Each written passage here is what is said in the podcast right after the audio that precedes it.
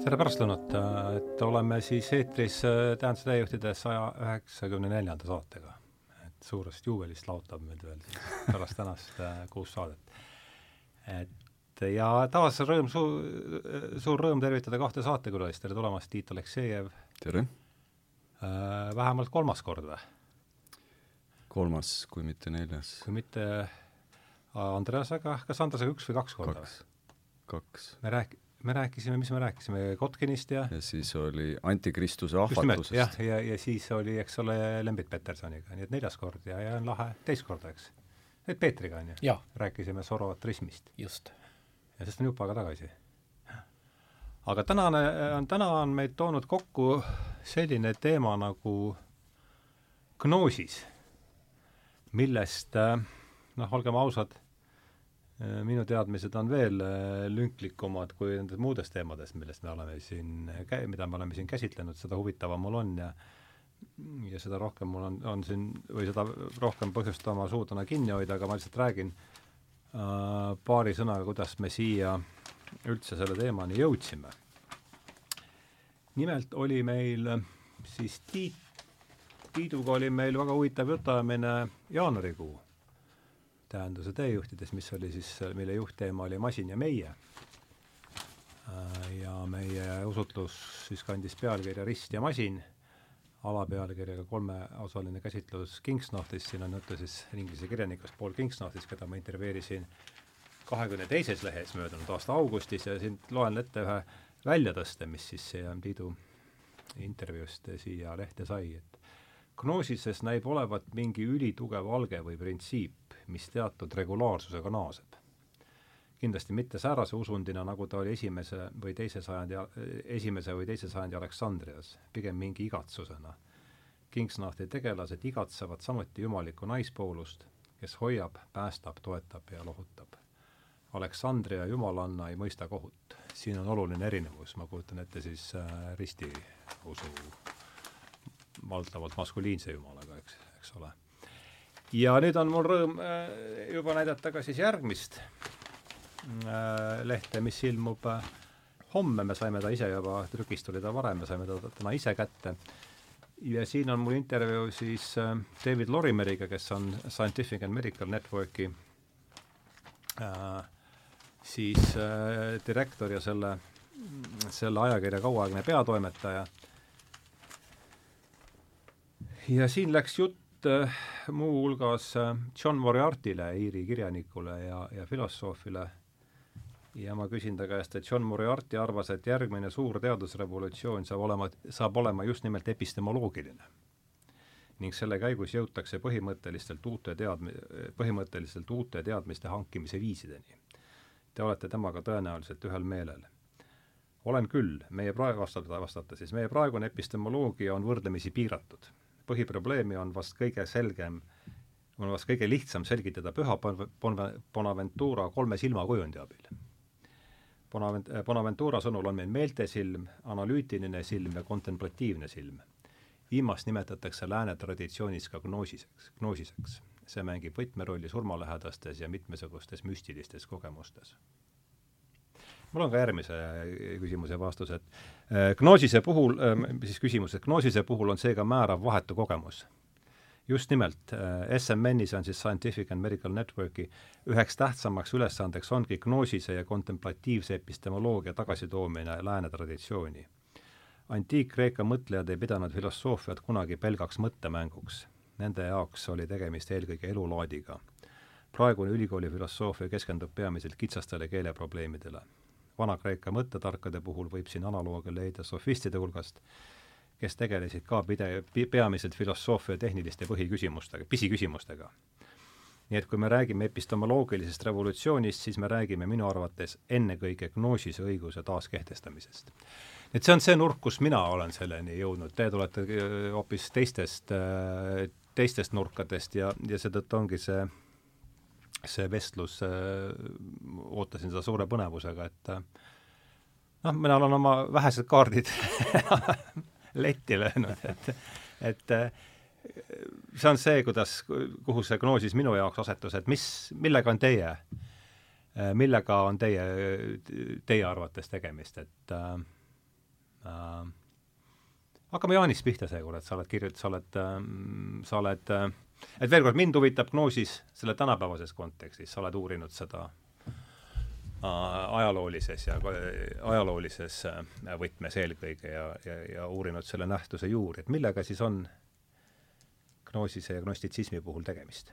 ja, ja mil määral need kaks sõna, sõna üldse erinevad teineteisest, gnoosis ja gnostitsism? no neid võib eri, eristada mitut moodi. Kohati need kasutatakse sünonüümidena ja üldiselt siis niimoodi, et äh, ingliskeelses maailmas eelistatakse gnostitsismi ja saksakeelses maailmas gnoosist mm. -hmm. aga neid saab eristada ka nõnda, et äh, kui gnoosis on äh, üks võtmemõiste, siis sellises liikumises või laiemas religioosses süsteemis, mida nimetatakse gnostitsismiks, siis pigem võiks näha neid suhteid niimoodi, et üks on siis üks konkreetne ajalooliselt välja kujunenud liikumine ja teine on selles liikumises öö, oluline mõiste mm. -hmm. nii et üks on laiem ja teine on kitsam gnostitsism on siis liikumine ja gnoosis on selle üks võtmemõisteid? no õigupoolest äh, selle üle, mis see gnostitsism on, äh, on vaieldud äh, väga kaua aega, ütleme siis niimoodi, et gnostitsismi teaduslik uurimise alguse võib paigutada. ilmselt kaheksateistkümnendasse sajandisse, üheksateistkümnenda sajandi autoritest üks esimesi, kes on kirjutanud teose, mille üle veel ka aeg-ajalt praegu diskuteeritakse, on selline mees nagu Ferdinand Christian Baur, äh, tema on äh, tuhande kaheksasaja kolmekümnendatel aastatel siis kirjutanud oma monograafia gnoosisest ja tema siis mõistab äh, gnoosist religioonifilosoofiana, mis tekkis helenistliku juutluse kontekstis ja levis sealt Kristusesse mm. -hmm ja kui üheksateistkümnenda sajandi uurijatest veel rääkida, siis kindlasti peab nimetama sellist nime nagu Tartust pärit Adolf von Harnack, Harnack., kelle äh, sünniaastapäeva puhul ka toimus möödunud aastal rahvusvaheline konverents Tartus, kus ma ka osalesin, ja äh, tema on kindlasti üks, üks selliseid uurijaid, kes väga tugevasti on gnostitsismi uurimist mõjutanud kuni tänaseni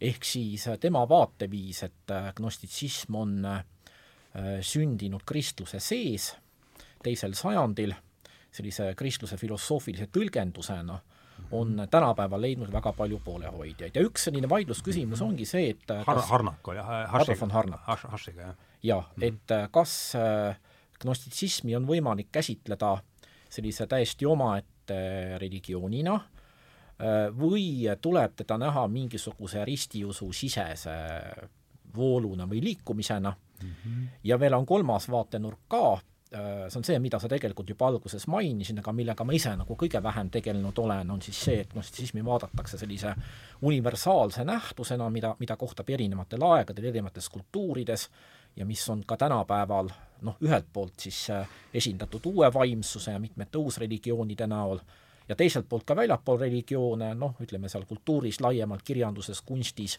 teatud motiivide, ideede kaudu ja nii edasi mm. -hmm. ehk teiste sõnadega, kui mina gnossitsismiga tegelen ja ma olen sellega tegelenud suure osa oma elust, siis ma olen tegelenud ikkagi põhiliselt antiikaegse gnostitsismiga mm -hmm.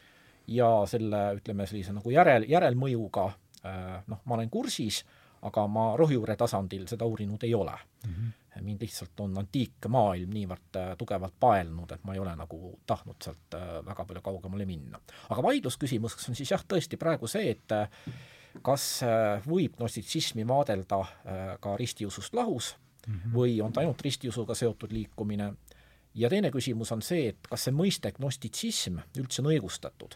ehk siis teiste sõnadega, see liikumine, kui me teda niimoodi nimetame, on niivõrd palju haruline, niivõrd mitmepalgeline, sinna alla mahub niivõrd palju erinevaid õpetusi, koolkondi, suundi, õpetajaid, et kas äh, ühtse nimetuse kasutamine nende puhul üldse on õigustatud? Ja selle küsimuse tegelikult tõstatas väga teravalt tuhande üheksasaja üheksakümne kuuendal aastal üks Ameerika teadlane Michael Williams, kelle seisukohtade üle tegelikult kuni tänaseni käib diskussioon nii et äh, on tegelikult ka terve hulk praegu selliseid uurijaid, kes leiavad, et on parem sellest gnossitsismi mõistest üldse loobuda mm -hmm.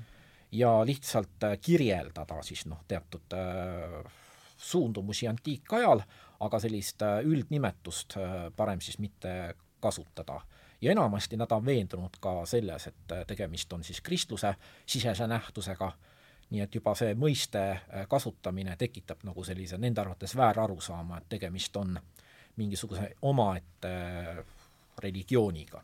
aga samas näiteks Hollandi äh, religiooniloolane Roelof van den Broek, äh, kes on kirjutanud äh, mitmeid raamatuid gnostitsismi kohta ja tõlkinud gnostilisi tekste ka hollandi keelde, on ühe oma raamatu pealkirjastanud gnostiline religioon antiikajal, kui te nüüd inglise keeles tõlkida otse seda.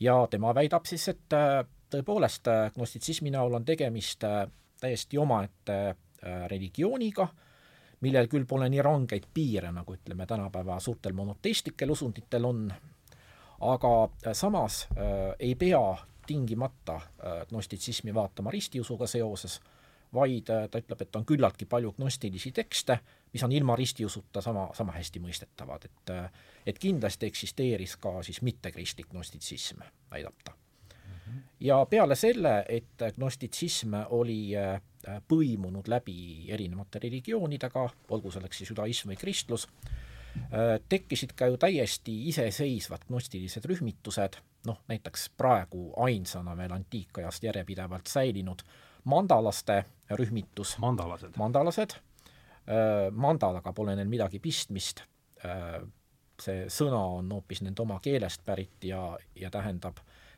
just sedasama, mida, mida Kreeka gnostikoi teadjad või tunnetajad. Ja nende selline ajalooline kodumaa on olnud siis Iraak ja Iraan, aga praegu nad e-, eri, esi, elavad põhiliselt pagulastena siis Euroopas ja, ja Ameerikas ja Austraalias ja säilitavad oma, oma vana traditsiooni, oma öö, aramea, ühes spetsiifilises aramea murdes kirjutatud kirjandust. Noh, kuigi nad, ütleme, räägivad araabia keelt omavahel ja, ja nüüd ka siis äh, paguluses elades kohalikke keeli äh,, aga neil on ikkagi väga vana äh, selline arameakeelne kirjalik traditsioon, mis, mis, mis ikkagi ulatub tagasi hilisesse antiikaega. Ja siis teine selline gnostiline rühmitus, mis äh, elas antiikaja üle, aga noh, mil-, mil-, millega siis ka mina natuke tegelenud olen, on manilus või maniheism mis tekkis siis omaette usundina ikkagi, selgelt piiritletav omaette usundina kolmandal sajandil, ja kuigi ta püüdis ennast siis ka kohandada erinevate usunditega, sõltuvalt piirkonnast, kus ta levis, ja Augustinus oli seotud üheksa aastat selle liikumisega, aga ta levis äh, väga ulatuslikult Rooma riigis, äh, Sassaniidide riigis, Uus-Pärsia riigis, ja Kesk-Aasia kaudu jõudis ta ka Hiinasse ja seal ta kuni mongolite vallutusteni, kuni kolmeteistkümnenda sajandini oli oli täiesti elav vähemusreligioon ja ütleme siis Hiina alalt viimased jäljed maniheistlike koguduste kohta on veel varasest uusajast, et seal kuskil kuueteistkümnenda sajandi lõpul, seitsmeteistkümnenda sajandi alguses on, on, on veel räitkirju sellest ajast, mis näitavad, et Lõuna-Hiinas väiksed manikogudused veel elasid, aga, aga aja jooksul nad sulasid kokku siis kohalike usunditega, põhiliselt budismi ja taoismiga mm. -hmm aga äh, tänan äh,, ammendav, ammendav algus, et vaatame, mis on, äh, mis Tiit toob lae laua taha ja siis vaatame, kuidas me saame siit edasi, edasi minna.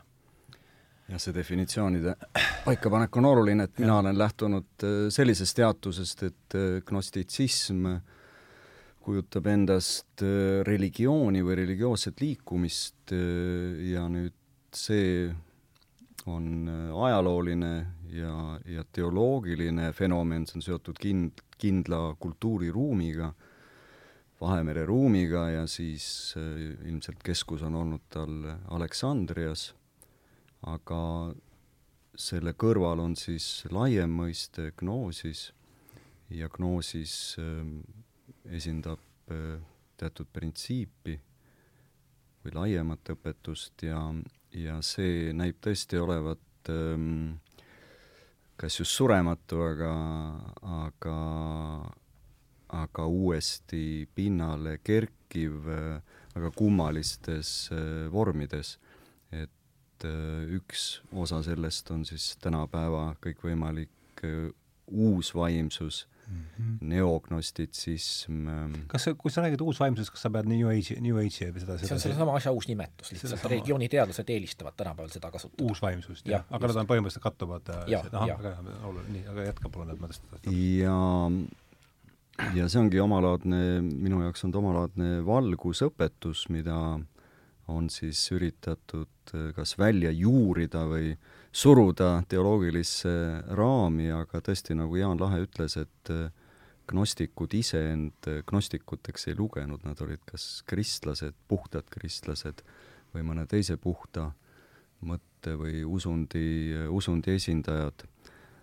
ja mind on konkreetselt Äh, huvitanud gnoosise üks tahke, mida võiks kutsuda siis sofioloogiaks ja see on siis Jumala naispool. Ja sellega seostuv valgusõpetus, mis siis avaldub keskajal ketserluses, siis ta jõuab müstikute töödesse. Ja Prantsusmaal üheksateistkümnenda sajandi fin de siècle'i aegadel, seal ta muutub jõuliseks ja nüüd erilise tähenduse saab ta Venemaa müstilises äh, traditsioonis, mis tundub mulle praegu aktuaalne, kuna mhm. tundub, et endised KGB-did, kellest on saanud nüüd äh, tõsiusklikud ortodoksid, võitlevad äh, antikristusega ja samal ajal nad läänemaailma jaoks esindavad sedasama, sedasama antikristust. -hmm. ja, ja see on olnud minu äh, vaatenurk ja mind on konkreetselt huvitanud Katarid just seoses -hmm. esimese ristisõjaga, et tundub, et esimese ristisõja käigus teatud vaimsed õpetused või, või traditsioonid jõudsid tagasi äh, Provence'i või Languedoc'i ja, ja nüüd Katarid, Bogomiilid, et seal jällegi näide sellest, kuidas see valgus vaikselt äh, kerkib esile ja, ja murrab seda mhm. koort, aga rääkides Venemaast, siis ilmunud on kaks olulist äh, teost hiljuti, kaks olulist tõlketeost mõtteloo sarjas, üks neist siis Pavel Florenski ikonostaas see on eestikeelne tõlge, jah? Ja teine oluline teos on äh, Vladimir Solovjovi armastusest. Ja nüüd need äh, kaks äh,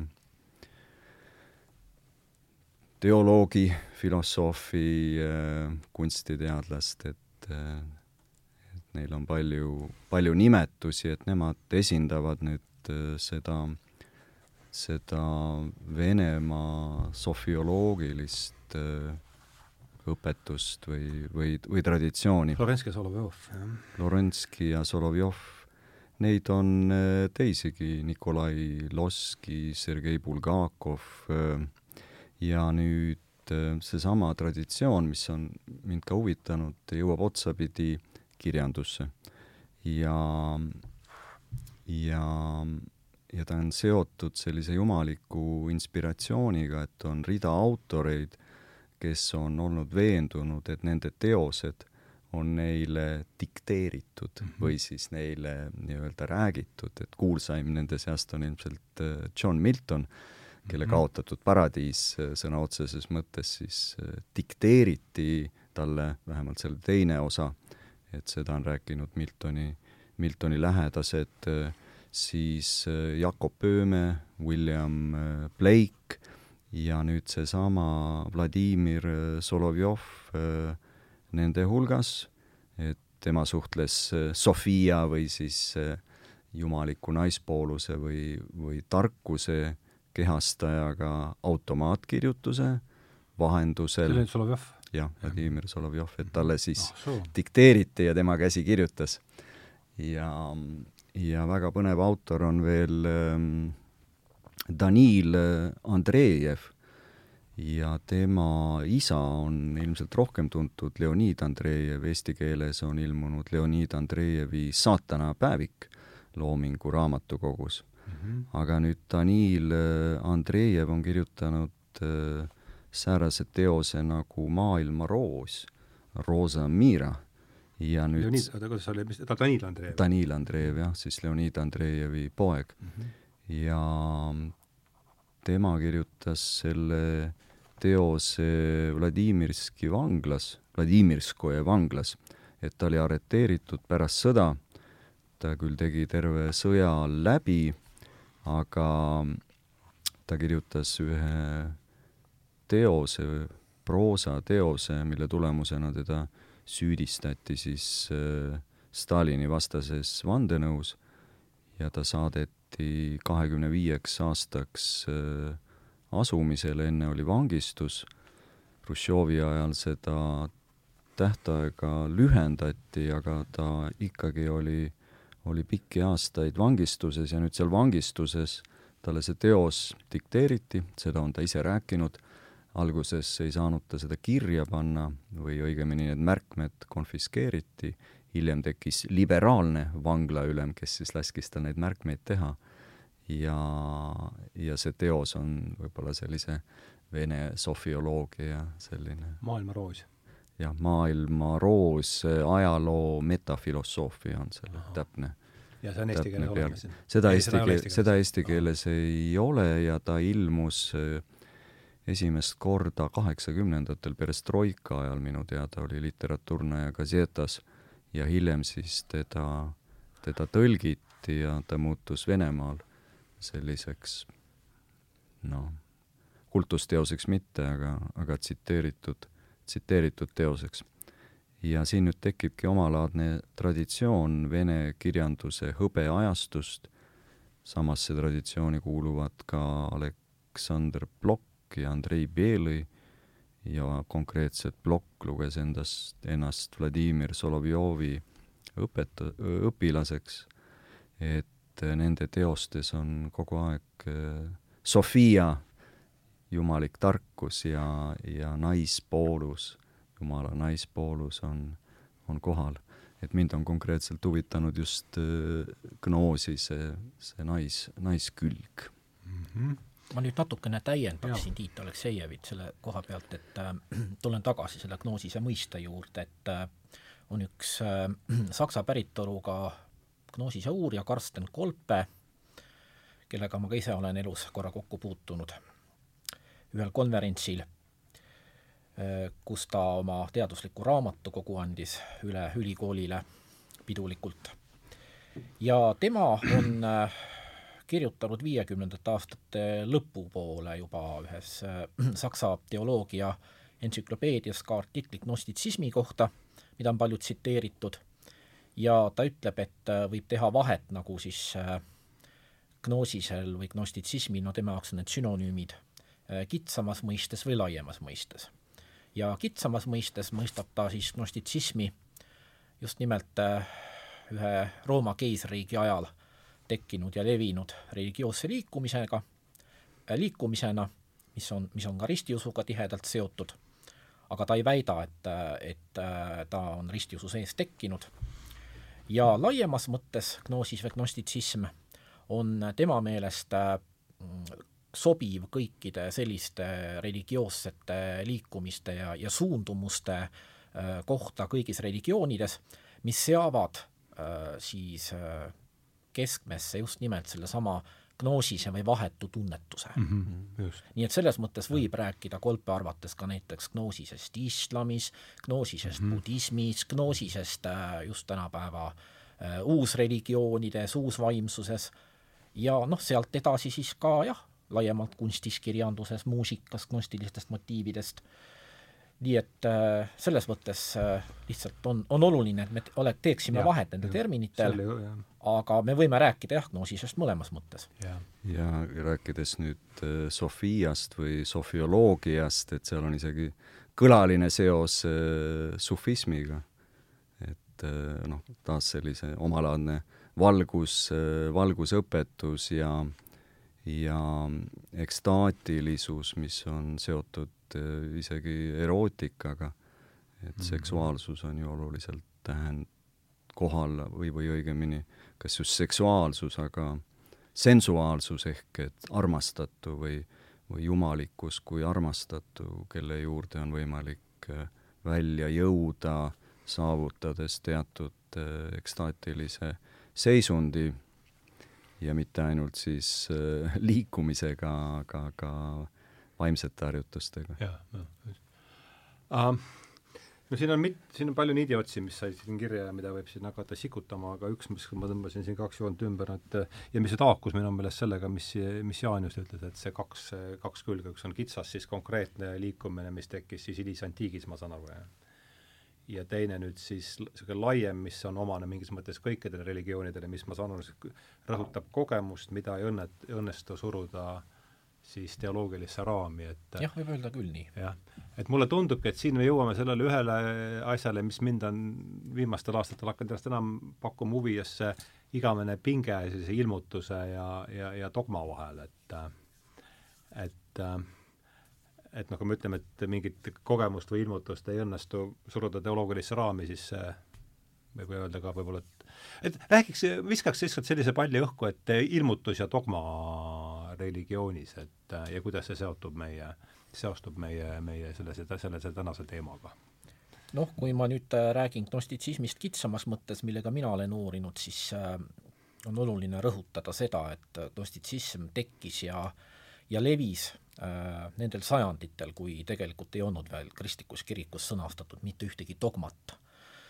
Esimesed dogmad ikkagi sõnastati alles neljandal sajandil mm, -hmm. pärast seda, kui, kui ristiusk oli saanud Rooma riigilt tunnustuse ja. ja hakkas vaikselt liikuma riigikiriku suunas, mida -hmm. siiski neljanda sajandi esimestel kümnenditel veel ei olnud, aga milleks siis sajandi lõpus jõuti, mille juurde sajandi lõpus jõuti Äh, ja ütleme siis niimoodi, et ükskõik, kas me vaatame siis gnostitsismi antiikajal kristluse kontekstis või kristlusest lahus, ühena ütleme paljudest äh, erinevatest religioossest liikumistest Rooma riigis, äh, siis mm, me peamegi teda vaatama just nimelt nõnda, et talle on antud küll hinnanguid hästi palju dogmadest lähtudes, aga need hinnangud on ikkagi äh, nii-öelda pärit sellest ajast, kui need äh, dogmad olid juba sõnastatud ja nii-öelda tagantjärgi äh, on siis need hinnangud antud mm. -hmm. ehk siis teiste sõnadega, praegune pilt varasest kristlusest äh, on üldjoontes siis selline, et algusest peale valitses väga suur erinevate vagaduslaadide ja teoloogiliste arusaamade paljusus mm -hmm. ja mingisugust ühtset peajoont tegelikult kristluses polnudki. ja seda peajoont ei olnud paljude uurijate arvates isegi veel kusagil teisel-kolmandal sajandil, mingisugused väga nõrgad sellised märgid, äh, ütleme seal võib-olla kolmandal sajandil juba on olemas, aga tegelikult see peajoon kujuneb ikkagi välja keisar Konstantinuse ajast mm -hmm. alates hakkab kujunema. Äh, ja, ja see on kas siis see aeg, kui äh, gnoosis tegelikult hakkab taanduma Rooma riigis, selles mõttes, et nii kaua, kui riigiusundit veel ei olnud Äh, said ka gnostilised rühmitused rahulikult tegutseda, aga kui kolmesaja kaheksakümnendatel, üheksakümnendatel aastatel siis äh, tekkis riigikirik Rooma riigis, siis äh, eelduseks, et sa võid oma religiooni praktiseerida, kristlasena oli ikkagi see, et sa järgid selle riigikiriku usutunnistust, mis tähendas siis automaatselt kõigi erinevate peavoolust, äh, tollal tekkinud peavoolust lahknevate liikumiste keelustamist. ja need gnostilised rühmitused, nii nagu paljud teisedki kristlikud grupid, siis keelustati riigi poolt, nad läksid põranda alla ja omaette selliste gruppidena nad isegi hääbusid aja jooksul, aga selge on see, et teatud ideed elasid need grupid üle, jõudsid sealt edasi monastilisse teoloogiasse, seda, sellesse teoloogiasse, mida kloostrites viljeldi, müstikasse mm -hmm. ja, ja niimoodi tegelikult on nad ulatunud kuni tänapäeva mm. -hmm tahad sa lisada midagi? ja siin ongi minu jaoks võtmeküsimus, ähm, mida sa küsisid, Hardo, et, et kuidas on võimalik äh, mõista ekstaasi ja. ja kuidas on seda võimalik äh, kirjeldada, sest et ilmutused äh, ikkagi on müstilise või, või ekstaatilise koega ja kui me võtame nüüd hmm. gnostitsismi teosed ja, ja oluline tõesti on see, et neid on ju eesti keelde tõlgitud äh, ja, ja võimalik, et siin nii tõlkija kui saatesõna kirjutaja isik on olnud olulised, sellepärast et et põhiliselt nad on Uku Maasingu tõlkes Jaan Lahe saatesõnadega ja nüüd Uku Maasing, teda võib ennast vaadata kui müstikut. et sarnane tõlkija on veel Rein Sepp, et võiks öelda jah, et, et nad teavad, mida nad tõlgivad, aga ilmselt on õigem öelda, et nad, nad tunnetavad, mida nad tõlgivad. ja, ja Jaan Lahe siin pani väga täpselt selle raami paika, aga nüüd, kui neid äh, tekste lugeda, Pärli laul, Manilaste laul ja kaks äh, evangeeliumi, ma nüüd ei tea, kas Tooma kristlus saab äh, otseselt gnostitsismiga siduda, aga mingid mõjud seal on, siin Jaan Lahe võib-olla räägib sellest täpsemalt, et need on ikkagi ekstaatilised hümnid või, või laulud ja neid esitati äh, teatud kindlal moel ja, ja nad ei olegi ju mõeldud eh, noh, mõistmiseks, nad on mõeldud läbielamiseks. ja seesama ilmutuse osa on ikkagi oluline, aga kuidas seda kirjeldada, seda suudab kirjeldada ehk inimene, kes on midagi sarnast kogenud, nagu seesama Vladimir Solovjov või John Milton, kellele Sofia ilmus aga nüüd äh, Vladimir Solovjovi kirjeldused on ähm, ka sellised äh, kobavad ja John Milton rääkis ainult oma lähedastele, et tema, tema ilmutuseks on, äh, on teos, teos ise. aga kuidagi tuleb kogu seda valgusõpetust hoida raamis ja see raam peab olema teoloogiline sest vastasel juhul see asi läheb ujuma ja, ja, ja uus vaimsus äh, saadab ta kümnesse kanalisse või, või sadadesse kanalitesse ja lõpuks ei saa enam keegi, keegi midagi aru. aga just seda ekstaasi ja ilmutust äh, või sellest rääkides tasub ikkagi meeles pidada, et palju sellest üldse on võimalik rääkida. ja siin on nüüd taas huvitav, noh, kui ma ennast hoian sellel sofioloogilisel lainel, meespool ja naispool, et, et kristlikus traditsioonis prohvetid on olnud ikkagi valdavalt meessoost ja nüüd on huvitav seltskond just naissoost müstikuid mm -hmm. või, või siis inimesi, kellel on antud ilmutus ja ilmselt kuulsaim nende seast on Pingeni Hildegard kelle puhul on leitud ka gnoosise äh, mõjusid või ta räägibki seal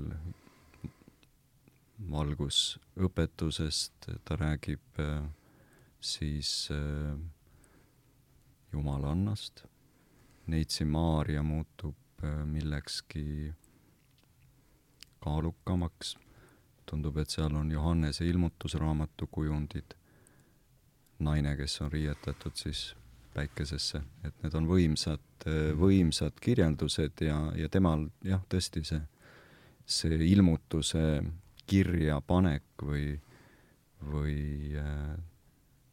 või üleskirjutus tuleb, tuleb võimsalt, võimsalt välja.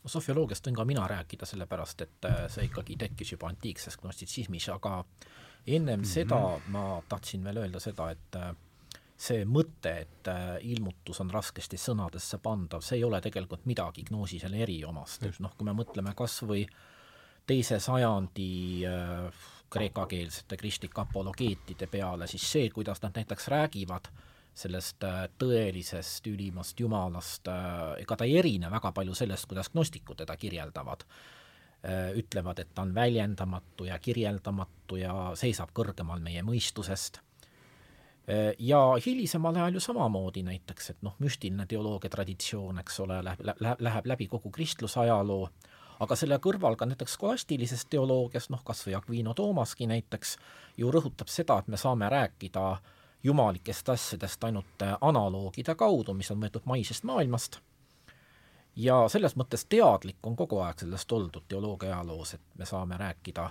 ilmutusest väga piiratult, et see ilmutus on oluliselt suurem kui meie, kuna see, kes seal taga on, on suurem kui meie. ja et me saame peegeldada teatud fragmenti sellest või rääkida, rääkida ühest kindlast tükist ja teinekord ähm, see rääkimine tundub üldse kahtlasevõitu tegevusena.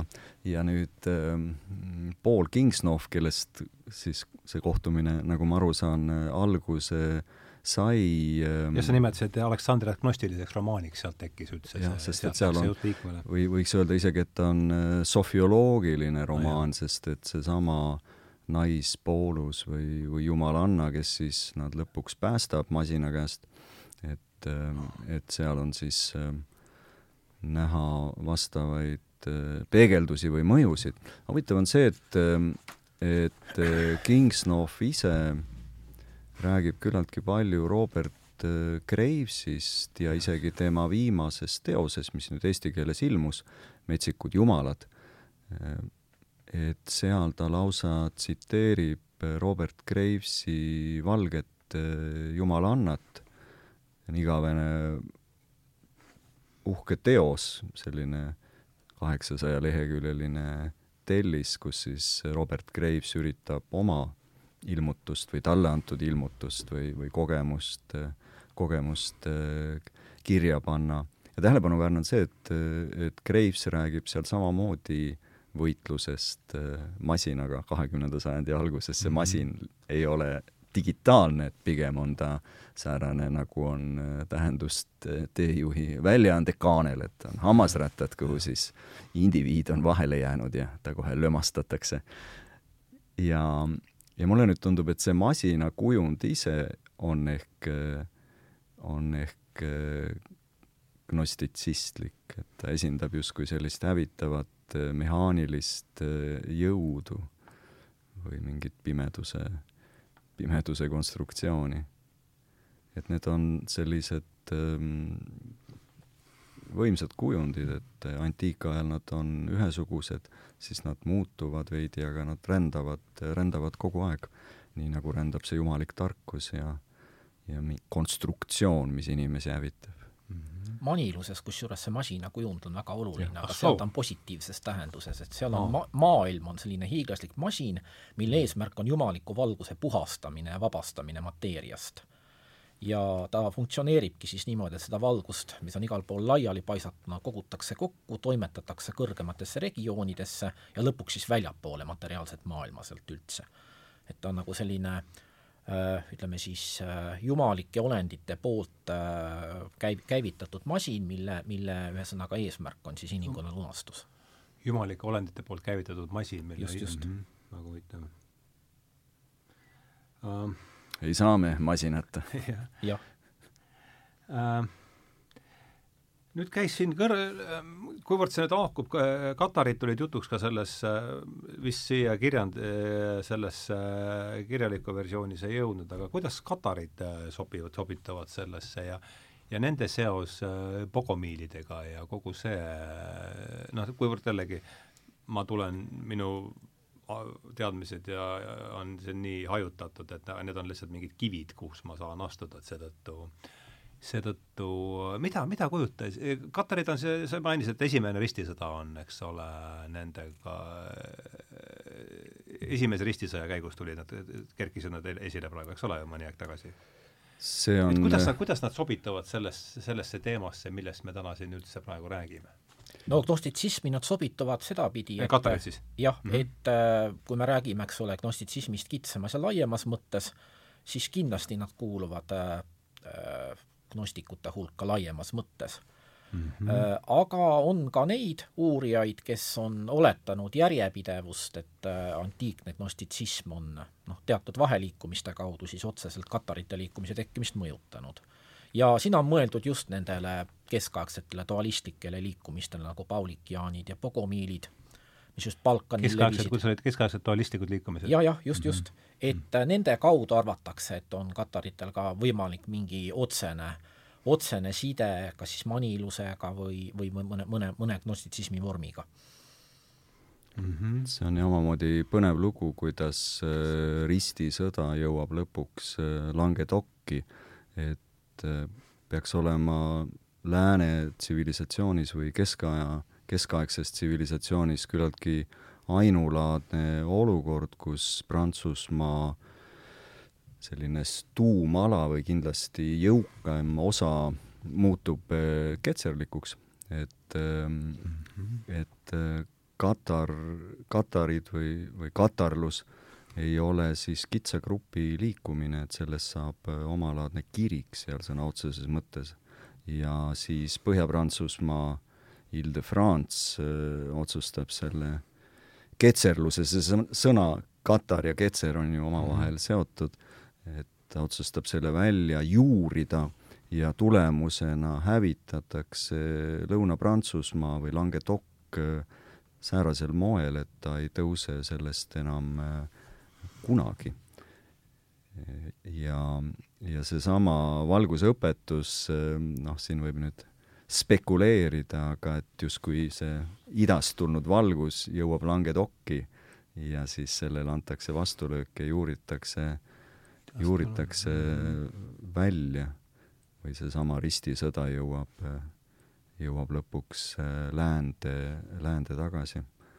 et kui nüüd mõelda, samamoodi ju hävitatakse Konstantinoopolis ristisõjaga, aga, aga see katarite vastu suunatud kuritegu tundub isegi õudsemana mm. -hmm. Äh, kus siit, räägiks, jäi kõrva see ka, et, et keskaegsed dualistlikud liikumised, et mis see et anna, anna palun sellele värvi juurde, see, see mõiste tuli seoses Bogomiilidega, eks ole. ma tean, Miloš kirjutab palju Bogo, mitte palju, aga Milošile olid nad ka olulised ja et räägiks nendest ka natukene, et mis, mida need endast kujutasid? No nagu ma ütlesin juba alguses, mina olen tegelenud ikkagi antiikaegse gnostitsismiga rohujuure tasandil ja ei ole Euroopa ketserlike liikumistega keskajal kuigi palju ära nii palju, nii palju, kui sa tead.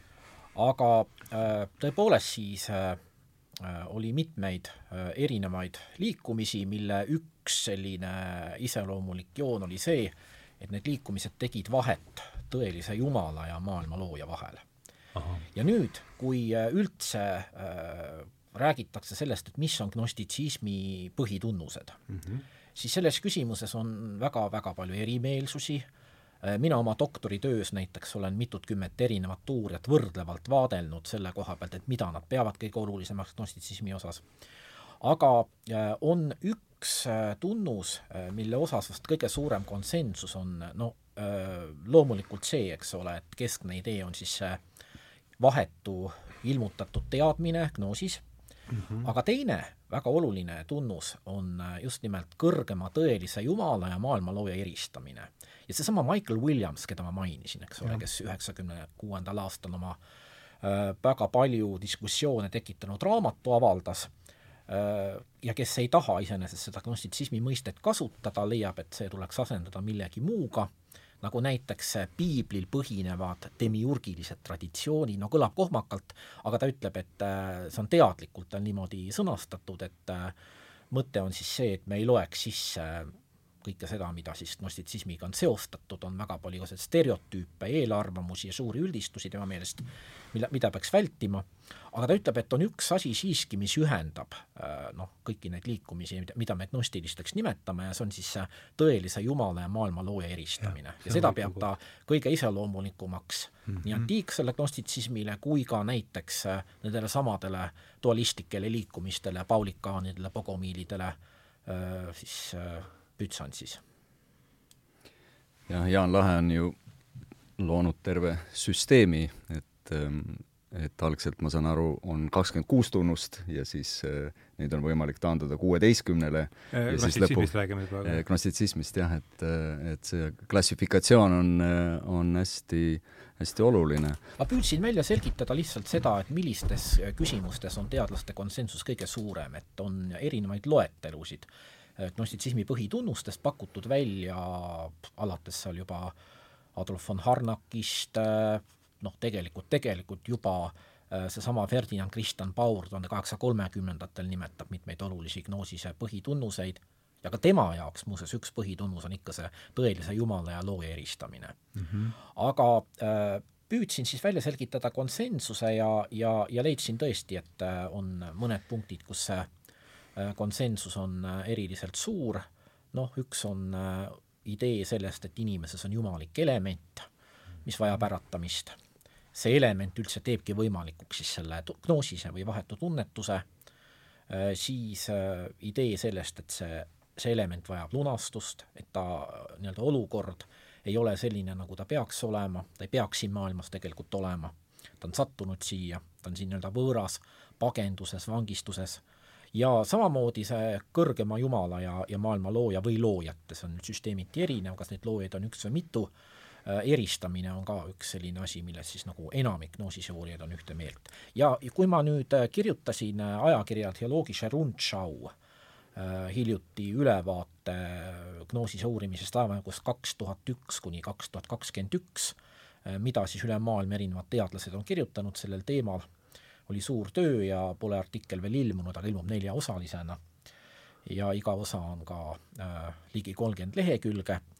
Äh,, siis äh, ka seal on mitmeid äh, gnoosise tunnuste loetelusid äh,, millega ma varem ei olnud tuttav, viis või kuus vähemalt äh, uut. Ja kui ma võrdlesin need varasemate autoritega, siis oma rõõmuks ma avastasin selle, et konsensus pole muutunud, et äh, kui need võtta arvesse äh, lisada nendele, mida ma doktoritöös kahe tuhande üheksandal aastal välja toon, siis see üldpilt on ikkagi sama mm. -hmm. aga no me oleme siin, tund hakkab täis saama ja nüüd me, mul on hea meel, et me jõudsime selle, tundub, et selle tuumani, et et vahe tõelise Jumala ja maailma looja vahel, et ma arvan, et see, kuivõrd see on, tundub olevat asja tuum, siis ta võib, võiks olla äh, peatuspunkt mõneks äh, paarikümneks minutiks vähemalt, vaatame, kus me sealt edasi saame, et andke palun äh, sellele nüüd lausele värvi juurde. no Sofiast ilmselt peame ka rääkima, sest temast on ja, juba põgusalt juttu olnud ja,. jah, jah, just, jah. aga, aga võtame siin praegu siis selle, kas te, kas see on kuidagi, kas, kas selle kui ma ütlen, siis veel kord, vahe tõelise Jumala ja maailma looja vahele, et see natuke haakub sellega, mis ma siit eelmisest, sellest intervjuust, mis nüüd homme ilmub äh,, Äh, kaasa võtsin, aga andke, andke, andke palun veel värvi juurde selle, mis, mis see siis, millest me räägime, kui me seda, kui me selle lause ütleme? no ma Kes? teen otsa lahti. tee lahti. jah, et äh, üldiselt on äh, ju äh, erinevates religioonides äh, levinud see arusaam, et Jumal või siis Jumalad mitmuses on, on loonud maailma, nii arvati vanas Mesopotaamias, Egiptuses, Indias, Kreekas, Roomas ja suurtes monoteistlikes religioonides on ka äh, põhiline veendumus on ikkagi see, et on üks Jumal, kes on loonud maailma. nüüd äh, sellesama Jumala puhul on äh, oluline see, et ta on täiesti erinev loodud olenditest. ta mhm. on, kui kasutada ühe see looja Jumal nüüd, jah? looja Jumal mm, -hmm. kui kasutada ühe saksa religiooniuurija äh, teoloogi Rudolf Otto mõistet täiesti teistsugune või täiesti teine, das ganz ander saksa keeles, jah mm. -hmm. oma raamatus Püha, mis äh, loodetavasti sellel aastal veel eesti keeles ilmub, mille toimetaja ma olen olnud, äh, on siis sellest juttu. Ja kuna ta on täiesti erinev siis loodust, siis on teda raske kirjeldada. ta on mm -hmm. väljendamatu, kirjeldamatu, jah, just nimelt ja analoogide varal saab teda kirjeldada aga nüüd on veel üks teine aspekt ja teine aspekt on see, et äh, ta on maailmaväline. ehk siis ta on äh, maailmas mm -hmm. kohalolev mingil viisil, ta mõjutab seda maailma pidevalt, aga samas ta on transcendentne maailma suhtes, et ta ei ole öö, äh, meile tunnetatavas maailmas vaid selle piiride taga, kui niimoodi võib öelda, mhm. ruumilist metafoori kasutades. ja nüüd Äh, kuna ta on äh, väljaspool maailma, siis ta peab mingil viisil äh, olema ju ka noh, maailmas kohal ja, ja, ja mõjutama siin toimuvat ja, ja selle tulemusena jõuti juba kristlikus teoloogiaski väga varakult selle ideeni, et ta ei toimi mitte vahetult, vaid teatud vahendajate kaudu ja noh, mhm. põhiline vahendaja muidugi see on, on, on, on logos kes lõpuks siis saab äh, Jeesuses äh, inimeseks. Mm, -hmm. sõna, nagu seda kreekakeelset mõistet on tõlgitud, tal on muid, muid tähendusi ka muidugi, aga põhimõtteliselt ta on siis selline jumalik jõud, äh, mille kaudu Jumal toimib maailmas, mille kaudu ta loob maailma ja mille kaudu ta ka pärast, ütleme, ilmutab ennast. Et kui noh, kui rääkida näiteks ühest niisugusest varasest kristlikust teoloogist nagu Aleksandria Clemens teisel-kolmandal sajandil, siis tema idee on see, et seesama logos, mis oli maailma loomises juba tegev, mille kaudu Jumal lõi maailma, seesama logos siis lõpuks sai Jeesuses Kristuses inimeseks. ja vahepeal seesama logos kõneles prohvetite suu kaudu, nii et äh, oli, oli siis nagu selles ilmutusprotsessis tegev ja Kurt Rudolf, minu äh, doktorfaater, äh, ütleb oma raamatus Gnoosis mm, -hmm. mille ma ka eesti keelde olen tõlkinud ja mis siin laual praegu on, et äh, on täheldatav äh, selline tendents äh, juba mõni, juba, juba eelkristlikel sajanditel, näiteks juudi traditsioonis, et mida rohkem hakatakse rõhutama Jumala sealpoolsust, seda tähtsamaks muutuvad need nii-öelda vahendavad jõud või olendid. Et äh, pole juhus, ta ütleb, et näiteks inglitest hakatakse just helenismi ajastul rohkem rääkima, mitte et varem poleks tuntud, et Vanas Testamendis varem on ka olemas, varasemal ajal juba, aga siis nad muutuvad korraga väga oluliseks. Ma kordan üle, et ma, mida kaugemaks muutub see, see looja jumal, seda oluliseks muutuvad vahendajad. see on loogiline, eks ole. ja nüüd me jõuamegi tegelikult juba selle tegelaseni, kellest ma siin kibelesin rääkima ja, ja kellest meil juba siin põgusalt jutt oli, sellesama Sofiani. Et äh, tegelikult äh, tema kuju on pärit juudi traditsioonist ja nimelt äh, Vana Testamendi niinimetatud tarkuskirjanduses, see on üks selline kirjanduse liik, kuhu kuuluvad näiteks õpetussõnade raamat, Saalomoni tarkuse raamat, Jeesus Siiraki raamat, koguja raamat, ja seal on juttu Jumala tarkusest. Ja seda Jumala tarkust kujutatakse nagu sellise omaette suurusena Jumala kõrval, ta on ka lausa personifitseeritud, ta on nagu selline Jumala lemmiklaps, kes juba maailma loomise ajal viibis Jumala kõrval. Ja õpetussõnade raamatu kreekakeelses tõlkes on öeldud nõnda, et Jumal lõi selle tarkuse oma tööde jaoks ja noh, see on vihje sellele, et ta lõi ta maailma loomiseks ja maailma loomine siis vahetult on toimunud sellesama tarkuse kaudu mm. -hmm ja nüüd äh, samamoodi ka inglite roll muutub sellel samal ajal väga oluliseks, et kui nad varem esinevad lihtsalt jumalike sõnumite edastajatena, siis nüüd helenismi ajastul hakkab levima selline arusaam, et inglitel on olnud aktiivne roll ka näiteks maailma loomisel mm. -hmm. Ja äh, on äh, üks selline äh, Kreeka taustaga juudi, juudi mõtleja nagu Aleksandria Filon, kes väidab, et maailma loomisel osalesid Jumala kõrval ka inglid, et ühesõnaga neil oli aktiivne roll maailma loomisel, aga mis neid siis nendest nii-öelda gnostikute, mis teda nendest gnostikutest kitsamas mõtte eristab, on siis see, et need inglid toimivad ikkagi nagu Jumala kaaskonnana, kooskõlas Jumalaga. Ja see äh, mõte, et inglitel on maailma loomises oluline roll äh,, on juudi traditsioonis sellel samal ajal Äh, veel mitmel pool mujalgi tõendatud.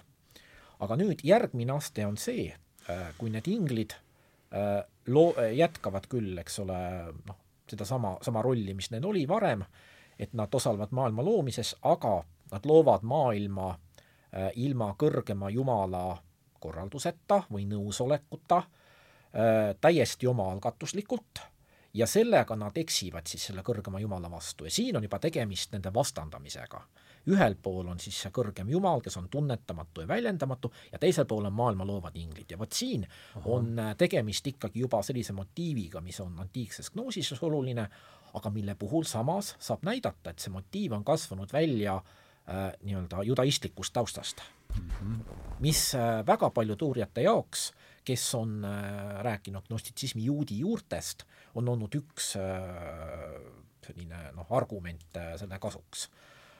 Neid uurijaid, kes, kes on väitnud siis seda, et, et gnostitsism on tekkinud ilmselt antiikaegse juutluse väga mitmepalgeliste liikumiste keskel, on päris mitmeid, praegu üks tuntumaid on Rootsi päritoluga Ameerikas elav Bircher Persson, kes on kirjutanud judaismi ja gnostitsismi kohta väga palju raamatuid. ja tema väidab siis seda, et Äh, kuigi gnossitsismis on selline poleemiline hoiak äh, väga tugev äh, judaismiga, siis see ei välista üldse gnossitsismi enda juudi päritolu, sest väga paljudele gnostilistele ideedele võib leida juudi tausta ja nagu ma näitasin, eks ole, seesama maailma loomise äh, motiiv äh,, kuidas siis need vahendajaolendid eristuvad, eks ole, Jumalast ja kuidas nad lõpuks muutuvad täiesti iseseisvaks no see on ühesõnaga ju just seesama, mida me Gnoosises näeme mm -hmm. ja mis sunnib oletama, et et need inimesed, kes siis selle gnostilise pärimuse omal ajal sõnastasid, olid kas väga tihedalt juudi traditsiooniga seotud või siis olid nad ise päritolult juudid.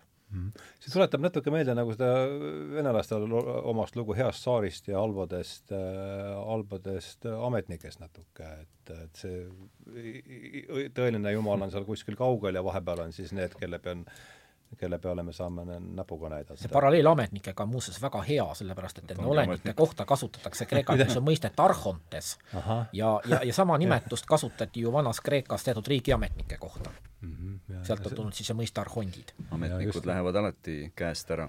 aga Jaan Lahe ütles siin välja midagi mm -hmm. olulist, mis on ka Kurt Rudolfi raamatus toodud sellise omalaadse centrum absolutumina ja see on helenistlik linn konkreetselt siis Aleksandria, aga nüüd see täiesti uut tüüpi poolis, mis tekib Aleksandri vallutuse, Aleksander Suure vallutuse tulemusena, maailmas säärast linna ei ole olnud varem ja just vaimses plaanis, et seal segunevad siis äh, väga erinevad äh, religioonid, filosoofiad, äh, mõtteviisid, mitte ainult Aleksandrias, kui me võtame kogu no, helenistlikus seal, jah, helenistlikus maailmas. uus linnatüüp võrreldes varasematega. just, just, just, Aleksandri vallutus. ja seal mhm. ta on, ta on varasemaga võrreldes äh, vabameelsem või, või, või sellist äh, sellist sulamit on, on justkui rohkem ja kosmopoliitsem. kosmo-, jah, täpselt, need on kosmopoliitsed linnad. et see on kosmos ja poolis üheaegselt. siin on konkreetne sotsiaalne põhjus siiski ka, et, et kreeklased rajasid ju kolooniaid juba väga varakult, eks ole mm, -hmm. et, et on olnud kolm sellist suurt kolonisatsioonilainet olnud Kreeka ajaloos. ja kõige suurem, eks ole, oli siis see laine, mis seal algab kuskil kaheksandal, kaheksandal sajandil ennem Kristust juba ja, ja, ja, ja kestab klassikalise ajajärguni ja Aleksander Suure vallutuste järel tuli siis kolmas suur kolonisatsioonilaine. aga mis oli erinevus, oli ju see, et need uued Kreeka linnad, mis rajati igal pool Vahemere ruumis ja Musta mere ääres, et äh, sinna asusid elama ikkagi ainult kreeklased ise, sinna ei asunud kohalikud elanikud elama. kohalikud elanikud võisid olla äh, vahetus läheduses, aga linna territooriumil elasid kreeklased, makedoonlased. -hmm. aga nüüd Aleksander Suure linnades äh,, Aleksander Suure äh, rajatud ja ütleme, tema järel rajatud hellenistlikes linnades elasid ühes linnas koos erinevate rahvaste esindajad, see oli uus. no see tuleb see kosmopoliit. ja, ja nüüd mm -hmm. tuleb mm -hmm. ilmselgelt äh, judaismi, judaismi mõju, et äh, jah tekib..., Aleksandrias viiest linnajaost kaks kuulus juutidele. samamoodi Antiookias, et räägitakse Aleksandriast, noh, mis oligi võib-olla selline valgustempel, aga aga neid linnu oli, oli veel ja Antiookia oli Aleksandriaga noh, sama, tal ei olnud äh, säärast raamatukogu nagu Aleksandrias, aga seal oli oma filosoofia koolkond. Ja tundub, et seal nüüd kohtuvadki siis helenistlik äh, pärand, äh, Kreeka filosoofia, judaism, kõikvõimalikud orientaalsed õpetused, sest ikkagi me räägime siin Xerxese impeeriumi ülevõtmisest ja ega siis need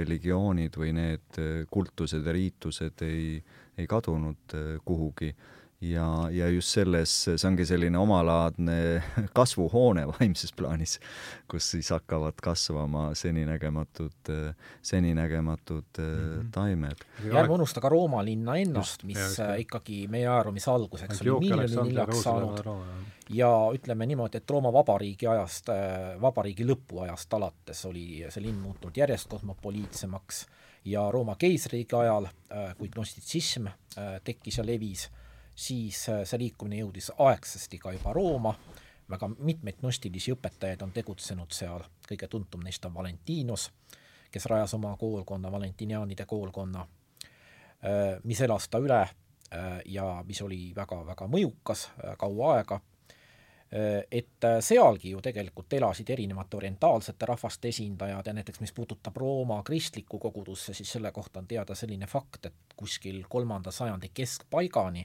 oli see kogudus kreekakeelne, mis viitab sellele, et sinna kuulusid idaprovintsidest tulnud inimesed. Mhm. ja alles siis ta muutub ladinakeelseks mm. -hmm ma teen väikse vahekokkuvõtte ja esitan selle, millest ma enda arvates nüüd olen aru saanud selles, et parandage palun mind et nüüd on see ikkagi see, oleme selle, selle juures ikkagi vahe tõelise Jumala ja maailma looja vahel, et et looja Jumal peab olema põhimõtteliselt erineva loodus, siis sellega ta kolib sinna transcendentsi, siis muutuvad olulisteks need vahel, see vahelüli.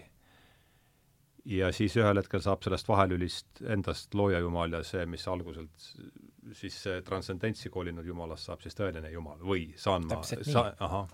ja nüüd võikski rääkida siis ühest vahelülist natuke lähemalt, sedasama Sofiast. aga jah, jah, vabandust.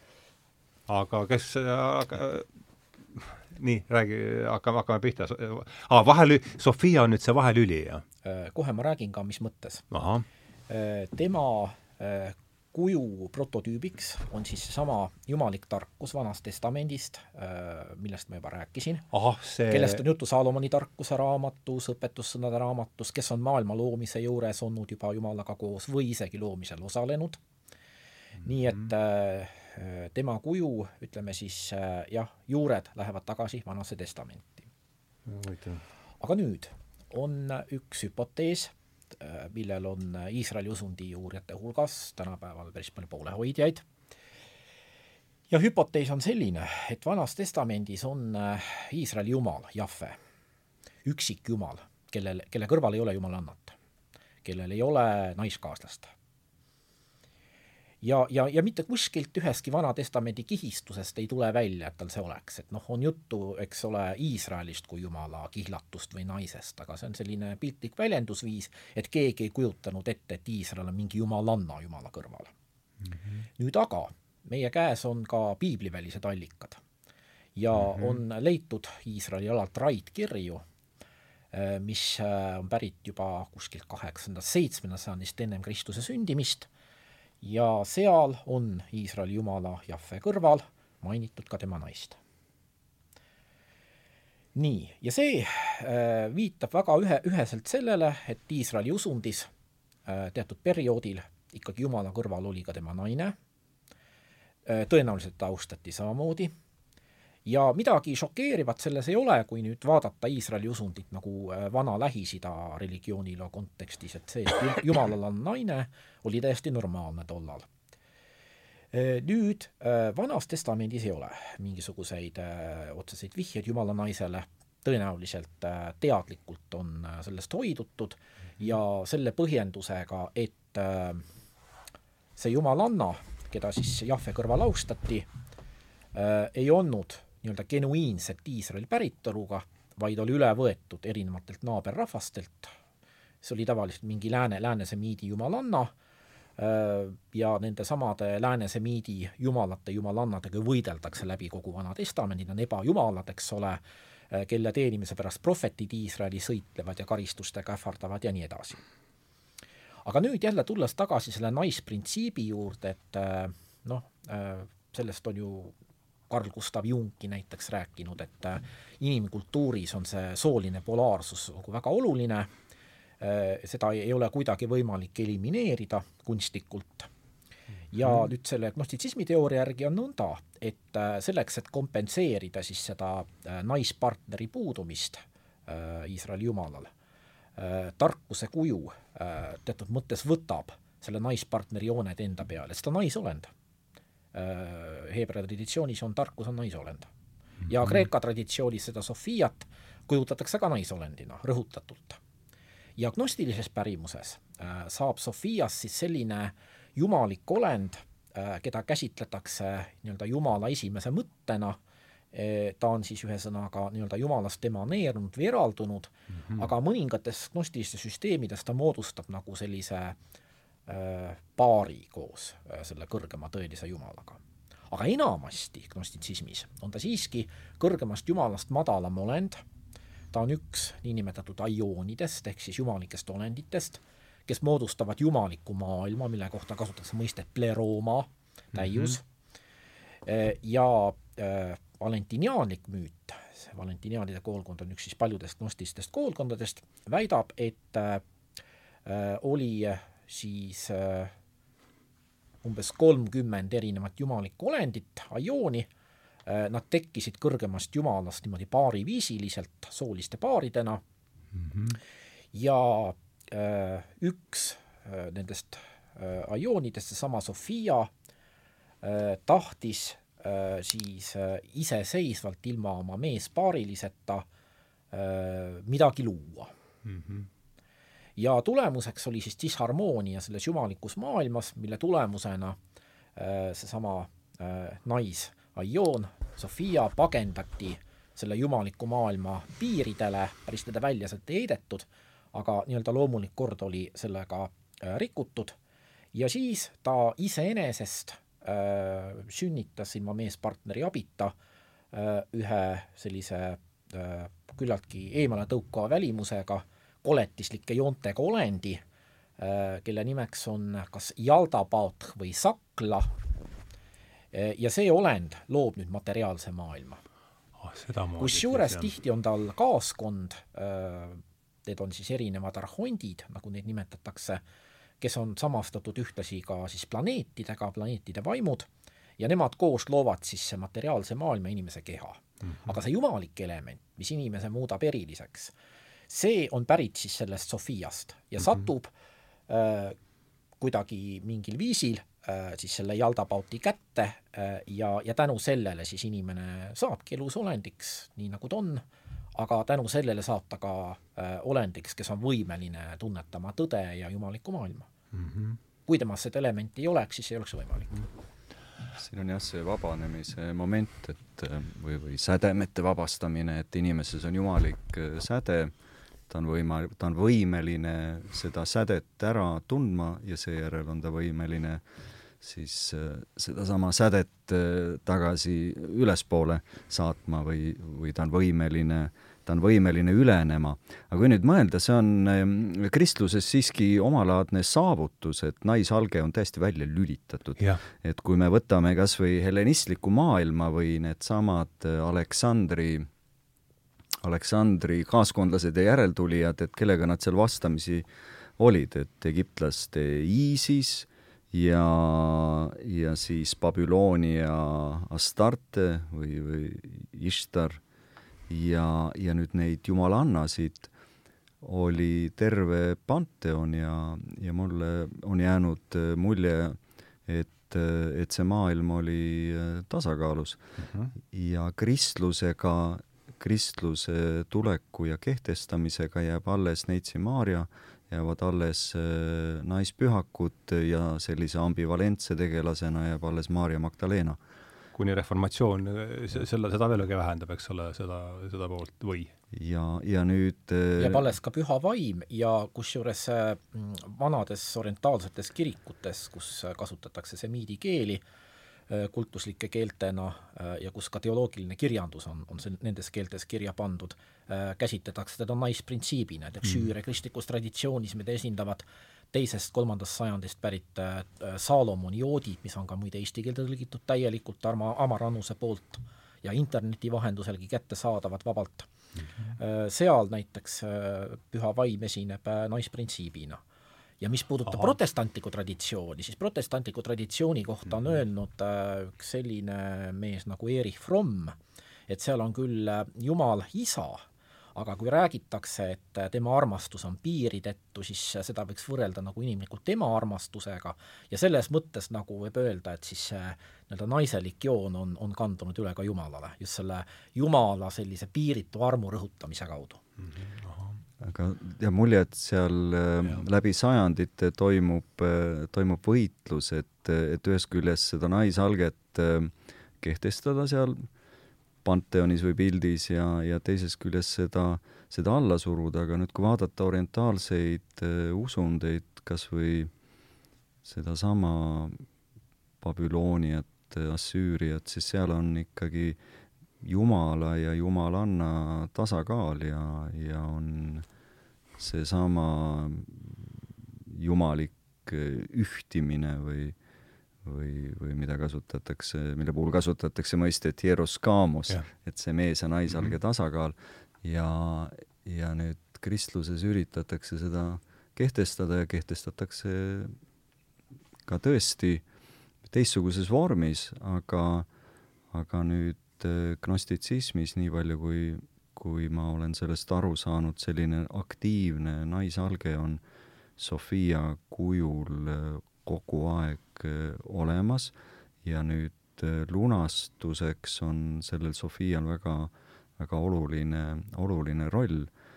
Ja on mõned tekstid, hümnid, kus on siis kirjeldatud Sofia ilmumist, kas on see kõuelaul on vist selline, et, et need on üli, ülivõimsad. kõuelaul on meil kust? see on üks eraldi gnostiline teos, mis leiti Nakhamadist Egiptusest äh, tuhande üheksasaja neljakümnendatel aastatel mm. -hmm.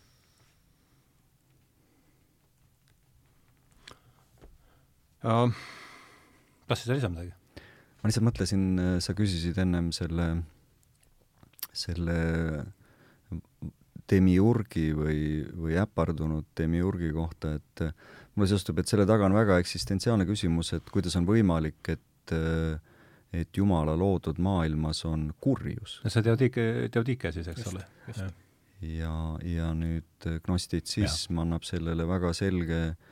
Gnostitsism on üks lahendus siis Teodikele põhimõtteliselt ja, ja. väga huvitav. ahhaa, selle peale ma, ma ja teine sama, sama elegantne seletus on, et Jumal on eemaldunud oma loodud maailmas, et see on osa siis vabadusest või, või inimesele antud vabadusest, aga, aga tundub, et see gnostitsismi seletus on arusaadavam või võib-olla isegi veenvam, et võib, võib mõista, miks see tekitab eh, probleeme kirikukogudel, et see on ikkagi väga ohtlik, eh, ohtlik õpetus, et me elame maailmas, kus kurjal on voli ja, ja võim ja selle võimu alt on, on võimalik vabaneda, aga aga maailm ise on väga kahtlane koht. jah. kas ma, ma ei tea, kas ma väga eksi lähen selle töö. ma, ma, ma küsin korraks vahele siin üks asi, mis ma tõmbasin joone alla, et äh, kas, kas Jaan, ütlesid sa, et Sofia on Jumala esimene mõte või? või, või mõnedes süsteemides mõnedes küll, süsteemides, jah, jah. ja ta on siis lausa selle kõrgema jumala naispartner yeah.. Mhm, nüüd sel-, see, sellega võtavad uue kõrguse mm, needsamad äh, vene müstikud või sofioloogid, et nemad väidavad, et Sofia on omaette hüpostaas. et äh, ja, ja sellega neil muidugi äh, kirikuvõimudega väga palju ühist juttu hüpostaas on siis nüüd Jumala esinemise või üks vormidest või tuleta mulle palun meelde, on see jah mm? -hmm. Sofia on üks hüpostaas mm. -hmm. Mm -hmm. mis see tüvi on seal või ütleme looga hüpostaasil? hüpostaasis allseisev. allseisev, ahah. nagu mhm, selline yeah. Omaette üksus mm -hmm. mingi kõrgema üksuse alluvuses mm. -hmm. ahah nii, ahah. ma tuleksin nüüd ikkagi selle, nüüd tuli see Sofia ka juba siia sisse, aga aga ma saan siis nüüd niimoodi aru ikkagi seesama vahe siis tõelise Jumala ja maailma looja vahel ja siis sellest ma saan aru, järeldub, et siis läbi gnoosise, kui me räägime nüüd sellest epistemoloogilisest võtmest sellest, et siis meil on võimalik selle tõelise Jumalaga kuidagi astuda ühendusse, et see on siis, see on nüüd üks järeldus, mis siis jah, ja selle eeldus on siis see, et inimeses on jumalik element, mis on väga lähedases suguluses selle kõrgema jumalusega, kui ta ei ole lausa temaga olemus ühtne mm,. olemus ühtne, jah mm. -hmm hea uudis on see, et ähm, on võimalik üleneda ja on võimalik äh, pääseda ja siin on üks vahva kujund, mis kordub, on, et me näeme maailma purjus peaga. me oleks kui joobes mm -hmm. ja siis see maailm ongi selline laialivalguv ja kahtlane. aga nüüd kaineks saades, see on siis äh, eeltingimus, et üldse midagi ära tunda või, või üleneda mm, -hmm. et mhm. kainenedes meil on võimalik näha maailma äh, sellisena, nagu ta on ja siis on võimalik järk-järgult äh, üleneda või seda sädet ülespoole, ülespoole saada. Neid võrdpilte, millega seda inimese maist olukorda võrreldud, on tegelikult hästi palju, et jah, see mm, purjusolek on üks, aga siis on näiteks unenägemine on väga levinud, et me oleme praegu nagu unes ja kui me ärkame, siis me näeme tõelist maailma. siis on väga levinud äh, motiiv, see on ühes äh, Nakamadist leitud tekstis, tõe evangeeliumis, et inimene on nagu mägironija, kes äh, on udus kaotanud tee ja ja ei leiaks seda siis, kui ta ei kuuleks häält sealpoolsusest, mis, mis seda teed talle näitab, ja üks kujund, mis antiikaja inimesele ilmselt väga lähedane, oli labürint, eks ole, Kreeka mütoloogias tuntud koht meile, et äh, me eksleme nagu pimedas labürindis, aga noh, nii nagu labürindist, eks ole, oli väljapääs Ariadne lõnga kaudu, nii ka see gnoosis näitab inimesele mm -hmm. teed väljapääsu äh, siinpoolsusest sealpoolsusesse mm. -hmm nojah, siin hakkavad need, nüüd ma näen neid paralleele nüüd selle uusvaimsusega küll palju äh, pärast tundi aega tund aega jutuajamist on nad ikkagi ilmselgelt äh, juba äh, nojah, ja üks, üks asi, mis uuele vaimsusele iseloomulik ongi see, et, et rõhutatakse seda, et inimeses on mingi selline jumalik potentsiaal, mis tuleb realiseerida, tuleb leida kõigepealt, äratada ja realiseerida, et selles mõttes sarnasus nagu Gnoosise jumaliku elemendiga on, on täiesti ilmne siin. -hmm. ja, ja sellises uusvaim, vaimsuse akadeemilises pooles või, või akadeemilises traditsioonis nüüd on kujunenud omalaadne jumalanna või jumalannade uurimise selline koolkond, et ma võtsin kaasa, et kaheksakümne kolmandal aastal ilmus Karl Olsoni selline kogumik Jumalannade raamat, seal on kokku pandud siis erinevad religioonid või, või, või religioossed traditsioonid, et seal on gnostitsism, seal on äh, seal on hinduism äh, üle, üle terve maailma ja nüüd sellega kaasneb selline omalaadne kultuuriplahvatus. et äh, ja, ja see kõik seostub ka feminismiga mm -hmm. ja, ja nagu me siin ka rääkisime, et see probleem on täiesti õigesti püstitatud, et, et kus see naisalge siis äh, on ja. ja ta on olemas, aga kas ta ei peaks olema teistsugusel kujul, äkki teda on kuidagi represseeritud, alla surutud, äkki see Sofia ise on nende arhontide ohver mm -hmm., noh, millele gnostitsism annab justkui, justkui äh, vastuse. et, ähm, et selline naispoole või jumalanna otsimine, et see on, see on põnev, äh, põnev teema, kogu selles, kogu selles valdkonnas. ja just see tuleb esile, miks ma siin üldse olen ja, ja seletan, see tuleb esile kirjanduses mm. -hmm. et, et kirjanikud või, või poeedid, just sellised müstilisema koega poeedid, nemad just tajuvad väga selgelt kas siis vajadust selle naisalge järele või see on just naisalge, kes nendega kõneleb väga vähe on autoreid, äh, kellega kõneleb äh, säärasel äh, automaatkirjutuse või dikteerimise või, või küllaltki intiimse kahekõne vormis jumal või, või meessoost alge, enamasti ta on ikkagi naissoost. et siin me jõuame nüüd Jungi maastikele, et mhm. võimalik, et see on seotud kuidagi animaga ja, ja, ja naisautoril siis on mõistagi äh, meespool, kuigi Hilderi Pingen, Ping-, vabandust, Pingeni Hildegard, äh, temal on ka uhked kohtumised äh, Neitsi, Neitsi Maarjaga. aga siin on kuidagi, tundub olevat mingi sugude selline kokkupuutepunkt või? ja kui veel rääkida sellest soolisuse aspektist, siis valentiniaanidel on veel üks huvitav uskumus. valentiniaanid? valentiniaanid. kes need on veel? Äh, no see on seesama agnostik Valentinos, kes teisel Roomas tegutses ja oma koolkonna rajas.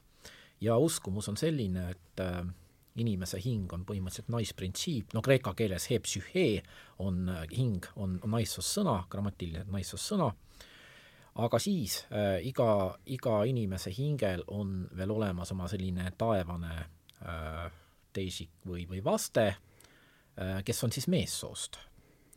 Äh,. ja selle, ja selle kohta kasutatakse sellist mõistet nagu eikoon, pilt või kuju või kujutis, ja mõte on siis see, et pärast surma inimene kohtub selle tema hing kohtub selle vastassoost eikoniga ja saab temaga üheks ja nõnda taastatakse siis inimese selline algne terviklikkus, mis on läinud kaduma maises elus.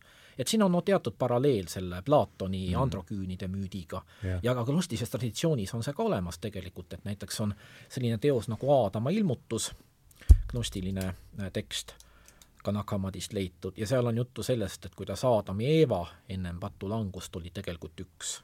ja siis alles patulanguse järel Äh, nad lahutati teineteisest ja, ja eraldati, aga noh, siin on ikkagi seesama motiiv, ühesõnaga see sugude kokkukuuluvus mm. -hmm. no ilmselt, kui me räägime inimkultuurist laiemalt, siis see sooline polaarsus on ikkagi midagi sellist, mis nagu kõiki kultuure läbib, et Claude Levi-Strauss on rääkinud, et on universaalid inimmõtlemises ja, ja see sooline jaotus on üks selliseid universaale. põhipolaarsus, jah. ta on ka, eks ole, bioloogiliselt väga, väga universaalne nähtus et sellest ilmselt kuidagi ei pääse mööda. jah, seesama küsimus, et kas äh, Jumal on meessoost äh, sootu või androküünne, et, äh, et nüüd see soo-, sooline lähenemine siin tundub üldse kahtlasena, aga kui, siis pigem androküünne või noh, see on ja, ka selles sofioloogias. ja see küsimus omab ju mõtet ainult isikustatud Jumala no, kontekstis niikuinii, mis ei ole, mis on ju ainult üks võimalus asjale vaadata, nii vähe, kui mina aru saan sellest asjast. Just, aga, aga jah, seesama androküün, see Jumala mõte on noh, selles samas Venemaa üheksateistkümnenda sajandi lõpu või, või selles nii-öelda hõbeajastu sofioloogias on hästi, hästi oluline ja ja Vladimir Solovjovil tekib ka tõsine probleem kirikuvõimudega seetõttu, et et see tema õpetus läheb liiale ja siis ta tõmbab ennast, tõmbab ennast tagasi, Danil Andreevil seda probleemi ei ole, sellepärast tema on NKVD vanglas ja ta ei pea kellelegi aru andma. Tema oli nüüd see Maailma Roosi autor ja., jah aga see mõttekäigu loogika selles mõttes on ju täiesti arusaadav, et noh, et, et kui Jumal on täiuslik, eks ole, ja täius on vastandite harmooniline ühtsus, et siis ta peab ju olema nii-öelda teine, teine, teine sooline polaarsus ka. jaa, muidugi.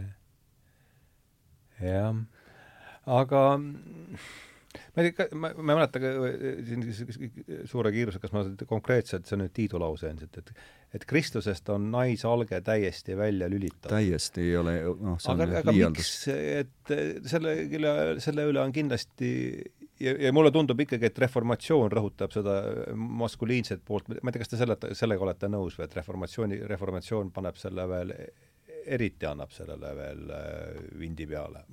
mul on jäänud selline tunne, võib-olla ma eksin, mis te sellest arvate. kõigepealt seda, et, et, et millised, mis põhjustel see niimoodi on läinud?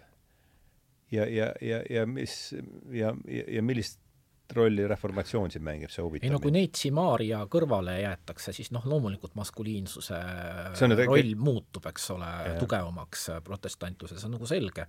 aga teisalt jällegi ei saa mingiks protestantluse muutuseks või protestantluse mõjul toimunud muutuseks seda Jumala kui isa rõhutamist pidada, et ta on ikkagi äh, Äh, pigem selline sümbol, mis äh, noh, kristlikus traditsioonis on ikkagi juba algusest peale olnud olemas, noh, meie isa palvegi kas või ei ole ju meie ema palve, kuigi tänapäeval on seegi välja mõeldud.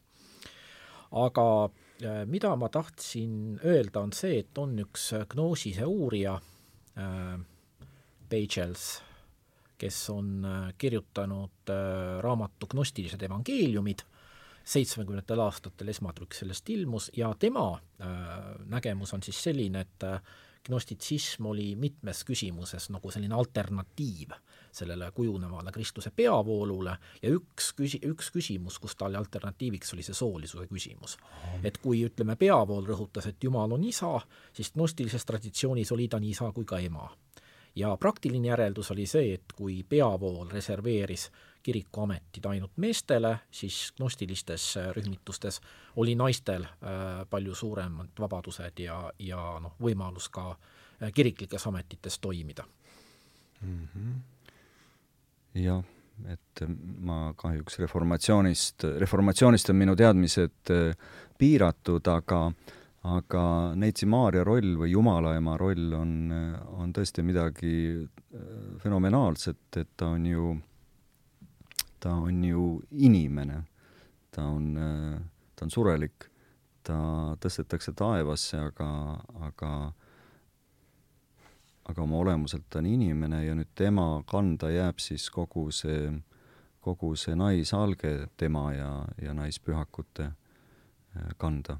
Ja ja nüüd kusagil, see on ka seotud, ma ei tea, kas see on ristisõdadega seotud, aga ajaliselt ta äh, ta vähemalt langeb kokku, et eh, Neitsi Maarja tähendus eh, muutub, eh, muutub oluliselt kusagil kaheteistkümnendal sajandil, üheteistkümnenda sajandi lõpus. ja just sealsamas Languedoc'is, Lõuna-Prantsusmaal, et sealt, sealt ta levib, sealt ta saab, sealt ta saab alguse. ja siin on nüüd selline põnev mõte, et huvitav, kas see on seotud nüüd nende idapoolsete kontaktidega või, või mingi kultuurivahetusega, aga võimalik, et see on midagi täiesti, täiesti eraldiseisvat, ma, ma ei, ei tea seda. aga mis me, lause, mis kirja sai, et Neitsi Maarja tähendus muutub oluliselt kaheteistkümnendal sajandil, et mis, mis seal siis äh, mis temaga siis, siis nüüd hakkab juhtuma? ja, ja, ja reformatsiooni käigus, kuidas sa ütlesid seda, et jäetakse kõrvale?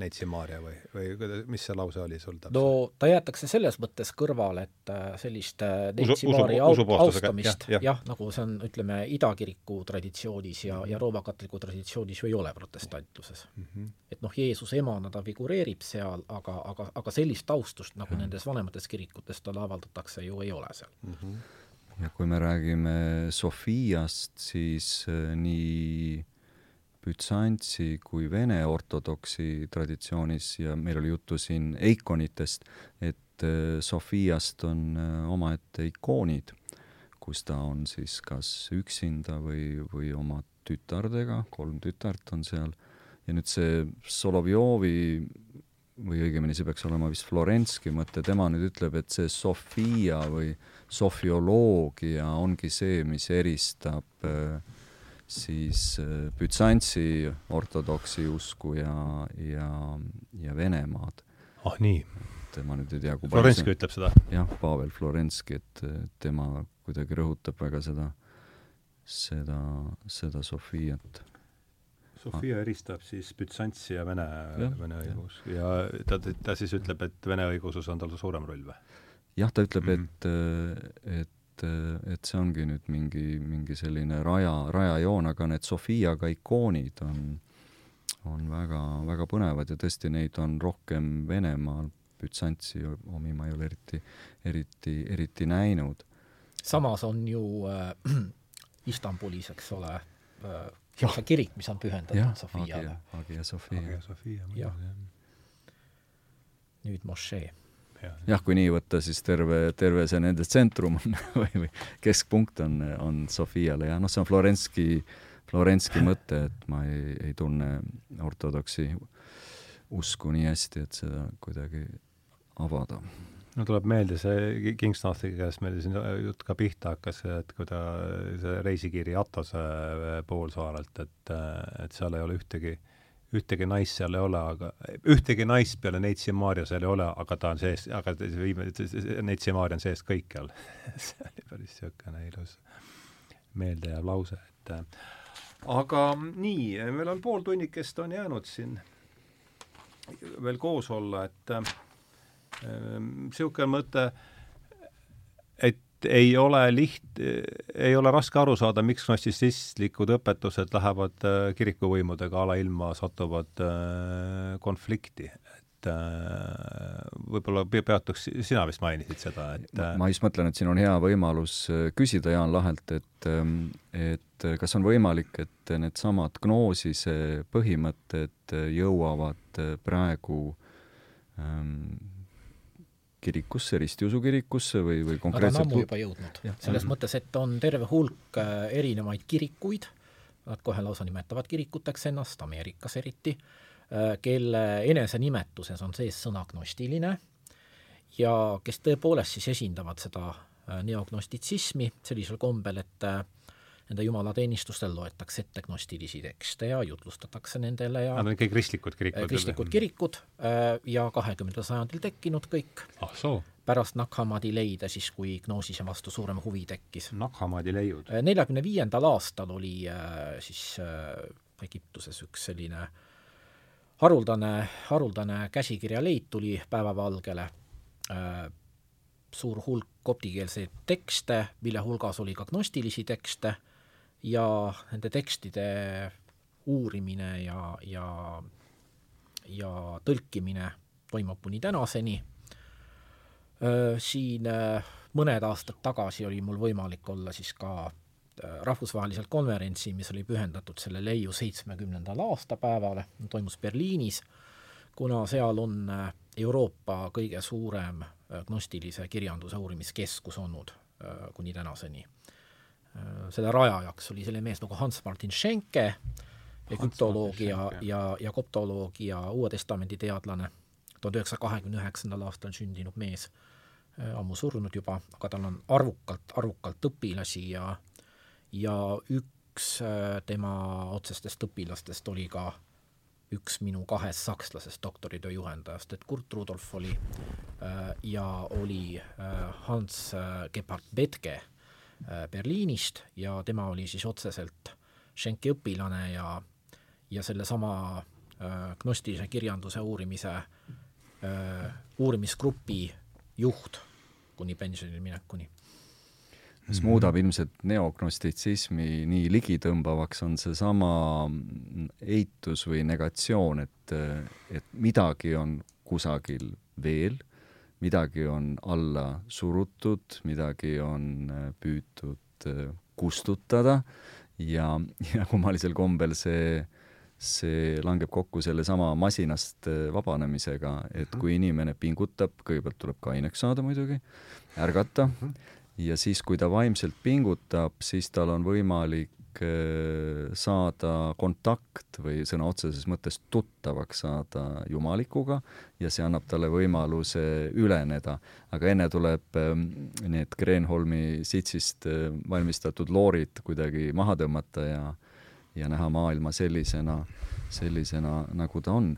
aga mind on alati huvitanud, et kas seesama valgusõpetus või, või või, või mingis mõttes ka selle ärakeelamise või keelatu jõud, et kui palju see mõjutab tänapäeva siis äh, põhivoolukristlust või siis ametlikku äh, kirikut. et ma tean, et Prantsusmaal ma isegi huvi pärast äh, lugesin selle kohta, üheksateistkümnenda sajandi lõpus tekkiski eglik gnostik, eglik, egliis katolik gnostik de France, nii et see oli siis prantsuse alg, alg, algselt oli ta prantsuse gnostiline kirik. Mi-, mi-, mis aeg oli mul? see oli tuhat kaheksasada üheksakümmend viis, kui ma õigesti mäletan. algselt ta oli äh, prantsuse äh, gnostiline kirik ja seal oli oma apostel, kelle nimi oli Jules Douanel, kes kirjutas isegi äh, gnostilise katekismuse ja seltskond oli seal küllaltki värvikas, et, et seal oli näiteks Rene Genon, keda on eesti keelde tema oli ka seal või? tema oli jah, selle kirikuga seotud, et Haljan Tuudami tõlkes on ilmunud Nüüdismaailma mm -hmm. kriis. nii et need äh, Gnoosise vaated olid Genonile samuti lähedased ja, ja see kirik äh, uhkelt äh, kuidagi institutsionaliseerus ja muutus ametlikuks ja siis ta ühel hetkel muutub nüüd äh, Egliis katolik gnostikiks või siis äh, katoliiklikuks gnostiliseks kirikus. ja nüüd, ja nüüd see seltskond, kes selle, selle kiriku siis nii-öelda kiriku loovad, et et see on väga värvikas, et seal on erinevaid, erinevaid selliseid esoteerikuid ja, ja, ja ütleme, üheksateistkümnenda sajandi lõpus on ju tohutult levinud kõikvõimalik äh, spiritualism või siis, äh, et kas või see automaatkirjutus, et see oli ikkagi mõeldud teispoolsusega suhtlemiseks, et suhtlemiseks eh, lahkunud eh, lähedastega. et, eh, et see traditsioon on tänapäeval kadunud, sürrealistid toovad ta tagasi just sellise alateadliku kirjutamise vabastamiseks, aga algne mõte oli suhtlemine teispoolsusega. ja tundub, et nüüd see mm, gnostiline kirik mis saavutusena on küllaltki põnev, läheb, läheb võimudega tülli, ta üritab kuidagi katoliiklusega liituda, see ei tule ka päris hästi välja ja siis ta lõpuks kuidagi laguneb, laguneb eh, laiali, seal on templirüütlid, seal on johanniidid mm, -hmm. seal on roosiristlased või õigemini roosiristlaste ketserlik tiib et kõiksugu värvilised, värvikad tegelased, et Rene Guénon on seal ilmselt üks selliseid selgema mõtlemisega mm. -hmm siin sai välja toodud märksõna esoteerika ja, ja selle kohta ma tahtsin ka ühe kommentaari teha, et äh, seesama äh, Roelof Vandenbroek, äh, Hollandi gnoosise uurija, kellest ma rääkisin, ütleb oma, oma raamatus Gnostiline religioon antiikajal, et praegu on moes see, et kas on eesti keeles, ei ole? ei ole, ma olen tõlkinud ühe peatüki sellest raamatust, mis on ilmunud ajakirjas Akadeemia, esimese peatüki. ja äh, ta ütleb, et äh, praegu on moes äh, vaadata agnostitsismi kristluse kontekstis, et see on mingisugune kristlusesisene nähtus, aga noh, tema meelest see ei pea niimoodi olema, et tegelikult on veel üks alternatiivne kontekst ja see võiks olla esoteerika. ja ta ütleb, et äh, kui vaadata ühesõnaga gnostilisi ideid, et me leiame neile, neile väga palju paralleele äh, esoteerika ajaloost kuni tänapäevani ja et selles mõttes täiesti põhjendatud on, et kui näiteks esoteerika ajaloo raames hoopis tegeletakse, tegeletakse gnostitsismi uurimisega, nii nagu see näiteks on Amsterdami ülikoolis, kus on eraldi õppetool loodud selleks mm. -hmm aga jah es, esoteerika ja see väga hea, et see tuli, et see on paljuski ju siin sõimu äh, sõimusõna, aga kui ma siin nüüd ennast, endagi lugu vaatan, siis ma pean tunnistama, et ma olen mitte küll kõrges vanaduses, aga ikkagi vanemas eas muutunud olude sunnil esoteerikuks, et äh, nii, nii, kuidas mina sellest sõnast aru saan, et mis, mis, mis, mis see sõna üldse on, mida, sellele, sellele peale, tal on ju peale sõimusõna ka mingeid, mingeid ühesõnaga, mis, mida, mis on, mida tähendab, vastandab siis ilmselt eh, eksoteerikale, aga et ja. mis, kuidas sellest sõnast aru saada?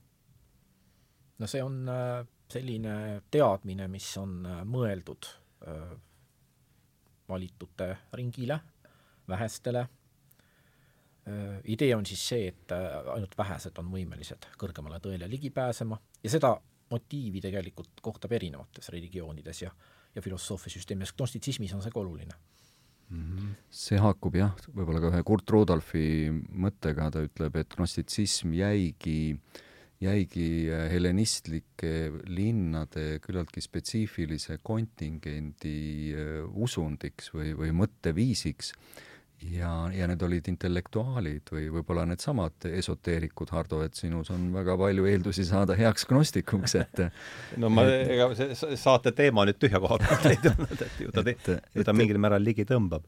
et see teeb, see teeb nüüd, see teeb nüüd gnoosise põnevaks, et ühest küljest ta on, ta on justkui justkui väga väikese sellele grupile, valituile mõõdet, mõeldud äh, pääsemise või lunastusõpetus ja, ja teisalt see idee rändab üle ilma, muutub maailma religiooniks äh, siis kaob, tekib uuesti. sa, sa nüüd siis kristluse, läbi kristluse või kuidas, kuidas ei, seda religioon täiesti omaette, siin on Plaian lahe on, on suurem spetsialist selles valdkonnas, aga see on samamoodi siin Rudolfi raamatus. no on üks Ameerikas äh, tegutsev äh, gnostitsismi uurija April Dikonik, ka Hollandi juurtega, kes on äh, palju populaarseid raamatuid kirjutanud ja üks tuntumaid on gnostiline New Age. seal ta ütle väidab, palun autori nimi veel. April Dikonik Äh, ja seal ta väidab siis seda, et äh, mis on äh, no, nagu gnostilisele usundile üld, üldiselt iseloomulik, on see, et tuginetakse vahetule kogemusele. ja, ja, ja selleks, et ühesõnaga jumalikkust leida, ei pea inimene üldse mingisuguste institutsioonidega siduma ennast, ei pea ilmtingimata näiteks mingites ohvri, ohvritseremooniates osalema, vaid ta leiab selle kontakti äh, kõrgema jumalusega äh, tänu jumalikkusele endas ja, ja ta tõmbab väga selgelt siis paralleele selle uusvaimsuse ja, ja, ja antiikse gnostitsismi vahele ja ta leiab, et, et gnostitsism on ilmselt seda tüüpi vagaduslaad, mis kõnetab tänapäeva inimest mm. -hmm. et ta on ära keelatud ja, ja, ja saladuslik ja äh, ja seesama naisalge ja sädemete vabastamine. mina pidasin plus, silma pluss veel see üleüldine usaldamatus nende valitsevate institutsioonide jah, arhontide küsimus äh, väga aktuaalne tänapäeval. ja, aga mina pidasin silmas äh, manilust, et, et, et kas see lähenemine peab paika, et, et manilus saab gnostitsismist laengu ja muutub sellega maailma religiooniks ei, ta on ikkagi äh, täiesti käsitletav ühe gnostitsismi haruna lausa. Äh,. muidugi on uurijaid, kes ütlevad, et äh, ta ei ole gnostitsismi haru, vaid omaette religioon, mis on mõjutatud gnostitsismist, aga noh, nii või teisiti, ühesõnaga me teame seda, et äh, Mani oli äh, tuttav gnostiliste pärimustega ja, ja ütleme niimoodi, et maniluse tekkimises gnoosisel on ikka väga suur roll olnud. Äh,, selles mõttes äh, jah, gnoosise ajaloost on oma koht küll mm. -hmm. kas, kas sulle Erik Voegelini nimi ütleb midagi? ei, ei.. ja tema on rääkinud sellest kaasaja poliitilisest äh, gnostitsismist, see on üks autor, kellest oleks tahtnud, aga las ta jääda siis siia, las ta jääda siis sinnapaika, et meil on siin veel veerand tunnikest äh, on mul veel võimalus teie, teie teadmistest saada osa, et ma vaatan siin nüüd, on teil endal midagi sellist, mida ma pole märganud küsida? Ma lasen veel silmadega siit märkmetest üle, et mis oleks selles kontekstis oluline? mina ütleks Eesti autorina välja selle, et, et ääretult oluline on eestikeelsete materjalide hulk, kui me räägime gnoosisest ja gnostitsismist, et et kõigepealt äh, Jaan Lahe tõlgitud äh, Gnoosis, Kurt Rudolfi Gnoosis äh, sellise teele minekuna, aga sama oluline on nüüd allikad, algtekstid, see suurepärane kogu, mille on välja andnud Johannese Esto ühing, et, et siit saaks teha juba väikese äh, väikese gnostitsismi äh, raamatukogu, et äh, ei ole ka siin ju kõiki, kõiki teoseid, äh, neid on, neid on veel. Ja need teosed on tõlgitud akadeemiliselt ülipädevalt, Uku Masing on olnud ilmselt õige mees nende ekstaatiliste tekstide tõlkijana ja noh, teoloogina tema teo-, teoloogilised teadmised veel lisaks, siis võtame Amar Annuse tõlked, mis on ka ilmunud, Saalomoni oodid, kui ma õigesti mäletan, omaette raamatukesena väga, väga, väga uhke, uhke tõlge. Et kui nüüd kõik need teosed äh, riiulile panna, siis seal on äh,, ei olegi vaja väga palju Amazoni avada või, või või võõrkeeltes, võõrkeeltes lugeda, eelkõige see allik tekstide kättesaadavus, et see on minu arvates feno-, fenomenaalne. no neid äh, keeli, milles on ilmunud äh, kõik äh, Nag Hammadi gnostilised tekstid ju tegelikult ongi ainult kolm maailmas, et on inglise, saksa ja prantsuse ja. keeles. ja soome keeles näiteks on väga korralik valimik ilmunud neid, aga, aga mitte kõik tekstid. ja kui me räägime siin veel noh, Tšehhi ja, ja Poola ja, ja, ja muudest keeltest, siis ka neis on ilmunud mingisugune valimik gnostilisi tekste, mitte siis, mitte siis kõik olemasolevad tekstid mm. -hmm. nii et see, et meil jah. neid tekste nii paljugi on, nagu meil on, et see on väga suur asi tegelikult, et meil on olnud ja on selliseid inimesi, kes on võimelised tõlkima vanadest keeltest ja ja kes äh, tunnevad äh, kaugeid kultuure, et sellise vahendajana on, on, on ikka väga suur roll olnud ja, ja noh, neid tuleb tuleb hinnata ja väärtustada mm. -hmm nojah, et äh, minutid kümme-viisteist on veel jäänud, et ma tuleks tagasi vestluse algusesse, et noh, mul on kõik need teemad jõudnud läbi, või suuresti see raamistik, mille läbi mina olen kogu seda asja siin ajanud, on see, on ikkagi epistemoloogiline kriis, et me oleme epistemoloogilise kriisi keskel ja, ja siin see, seetõttu mind paelus siin see, mis ma ette lugesin, see kolme äh, see Püha Bonaventura kolme, kolme silmakujund, et kes ta üldse, kes ta üldse niisugune, kes, kuidas, kuidas Püha Bonaventura, mina teada, ma tean nime ja rohkem suurt midagi, et kuidas tema üldse sellesse, nendesse teemadesse haaku, haakub, millega me täna oleme siin mida me täna oleme käsitlenud ja mis te arvate, seesama, et see kujund on siis, et meil on, meil on siis meeltesilm analüütiline silm ja, ja kontemplatiivne silm ja eelmise, siis üle, või eelmises lehes intervjueeritud äh, Kyriakos Marklides rõhutas sama asja küll, tema toetus äh, siis Piterim sotsioloogile Piterim Sorokinile, et need kaks esimest silma on meie kultuuris siis meeltesilm ja analüütiline silm on väga kõrgelt arenenud, aga kolmas on jäetud täiesti, täiesti unarusse, et äh, mis teie nendest mõtetest arvate ja, ja kuivõrd nad äh, seonduvad äh, nende teemadega või selle siis gnoosi, gnoosise teemaga, mille käest me oleme siin üritanud täna ühe, oleme üritanud ühe, ühe ja teise kandi pealt täna siis niimoodi rääkida südamesilm, ütleks Gregorius Südamesilm, Palamas, et, et võib-olla me olemegi selles mõistuses äh, vangis ja, ja gnoosis on üks, üks pääsemisi mm. Mhm. -hmm. ja kui räägime nüüd sofioloogiast ja, ja vene traditsioonist, et minu jaoks aktuaalsemat küsimust ei ole, et me olemegi vastas selle maailmaga või posthistoristliku maailmaga. Venemaa nägemus iseendas kui posthistoristlikust riigist, mis tähendab seda, et ajalugu peab kas lõppema või seiskuma. et seiskumine oleks justkui parem, parem variant. et seesama mingi äh, lõppemise mõõde on, on päris, päris õudne ju, või see mustvalge, mustvalge maailm. ja nüüd nendele küsimustele mõistusega vastust ei, ei leia, et võimalik, et me olemegi ennast kinni, kinni mõelnud et ja. siin ikkagi, mis mulle tohutult meeldib sellesama Solovjovi puhul, on, on ka omalaadne reformatsiooni mõte. ja tema ütleb, et kunst ja kirjandus äh, on või peavad muutuma teurgiliseks ja, ja selles on võimalus, et äh, luua uus ja parem maailm.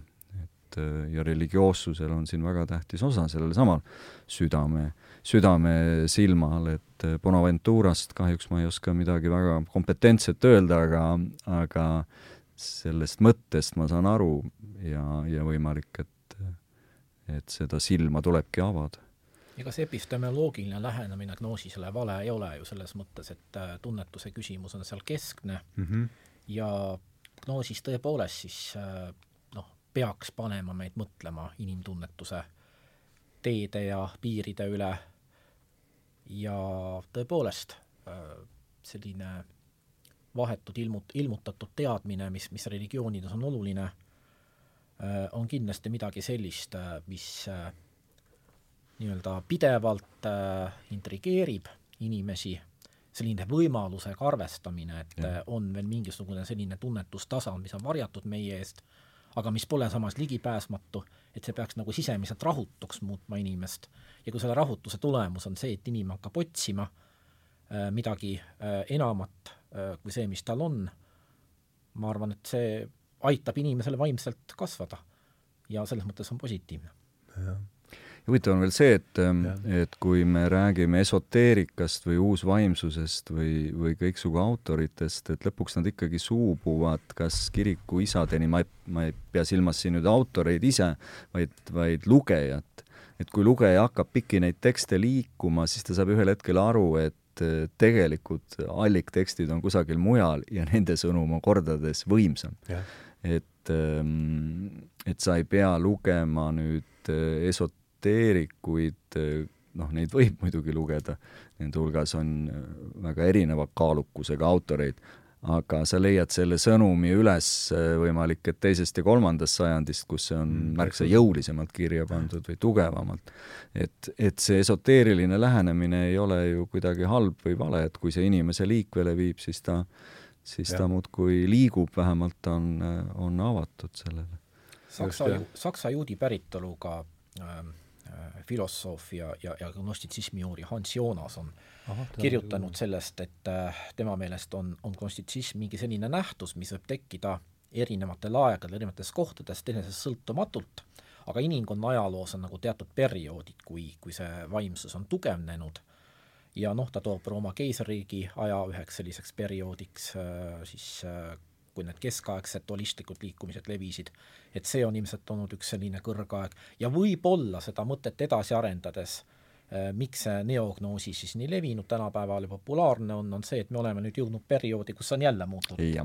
ja no täpselt, ega siis saate teema ka ju Just, ei tule kusagil. ja see tundub ikkagi olevat mingi jällegi la lagunemise või üleüldise kaose ja, ja tei-, või siis posi-, positiivsemas mõttes teisenemise äh, alternatiivi otsimine kaosele võib-olla. jah, jah, et see on Solovjovi, Solovjov liigendab seda siniseks ajastuks ja punaseks ajastuks, aga mõte on, mõte on seesama, et maailm, maailma ebatäiuslikkus või ütleme, nende arhontide ametnike tegevus on läinud üle käte ja, ja inimesed otsivad vastuseid ja ikkagi oht hävingu ees, et praegu maailm on küllaltki unikaalses olukorras, et ühest küljest ähm, Robert Gravesi ja Paul Kingsnoffi äh, masin töötab täis tuuridega ja ma Aga pean silmas siis digi, digitaalset, digitaalset revolutsiooni või antropotseeni või, või kõike seda, mis juhtub inimsuse kui sellisega,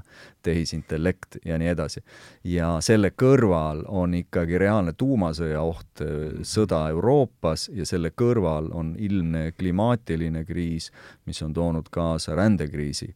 et ähm, et me oleme ikka sisenenud tõsisesse turbulentsi, et tasub, tasub küsida eksistentsiaalseid küsimusi. jah, et oleks ime, kui sellega ei kaasneks vaimset kriisi, sest noh, kõikide selliste ühiskondlike kriisidega on see ju alati kaasnenud. ja, ja noh, ja, ja ei kaasneks otsinguid mingi alternatiivi järele, eks ole, just nimelt, jah jah, noh, see, vaata esimene kord, kui Stephen Kotkini nimi käis siit läbi, tal on teine raamat, mida ma mõtlen, et mille, mille juurde peaks tagasi tulema, see ära, ära hoitud Armageddon. sa oled sellest kuulnud, jah? et kuidas on, et kuidas on võimalik, küsib ta siis, et, et Nõukogude Liit, võimas politseiriik, tuuma, taskud kõik tuumapomme täis, lahkus lihtsalt Kiki Varvukil ajaloo näitelavalt ja ma arvan, et see küsimus on äh, tõusnud äh, ikkagi väga, see on, ei ole peaaegu päevagi, kuidas ma, kui ma selle küsimuse peale ei, ei, ei, ei mõtleks, et äh, ja gnostitsismi juurde tagasi tulles jällegi ma tuletan meelde seda, et gnostitsismi üks selline läbiv motiiv on ka ikkagi maise elu ebakindlus. jah mm. -hmm. et ei, ei tohi, ei tohi kiinduda ja ei tohi jah, klammerduda sellesse, et, et äh, et seesama võõr, võõrdumine või maailmas võõrsil olemine, et see on ikka üli, ülioluline. no see juba kasvab, eks sellest natuke välja või vähemasti mingit sugulust on siin selle põhiseisukoha, et vahe tõelise Jumala ja, ja, ja maailma looja vahel. sest üks kuulub see... siia maailma, teine mitte. ja, ja ühega on inimene suguluses, teisega ei ole. jah jah, mul on no, hea meel pärast kinkida või kohe see, see leht kinkida, et ähm, David Bohm üks siis äh, füüsik, kes üritas pärast kvant, äh, kvantmehaanikale anda sellist ontoloogilist, ontoloogilist tõlgendust, just seesama, et on see, tal on siis explicit order või varjatud kord, kord, mida me saame mõõta ja seal all on siis implicit order, mis on mõõdetamata ja väljendamata ja seal all on siis veel, mida ta nimetab hollow movement et see kõik kuidagi, seal tundub olevat ka sellist gnostitsismi sellist mingist, mingit äh, hõngu juures ja teatud analoog on küll olemas. on, eks ole, jah mm. -hmm. ja Tao ja ütleme, see, ta ütleb, et äh, selles inter-, selles intervjuus, et et selle implicit order'i või varjatud korra vaste Hiina filosoofias on omakorda seesama ta-, Tao siis mm -hmm. ja, ja kõik need, äh, et ühesõnaga jah, et oli äh, asi, mis mind on pannud üldse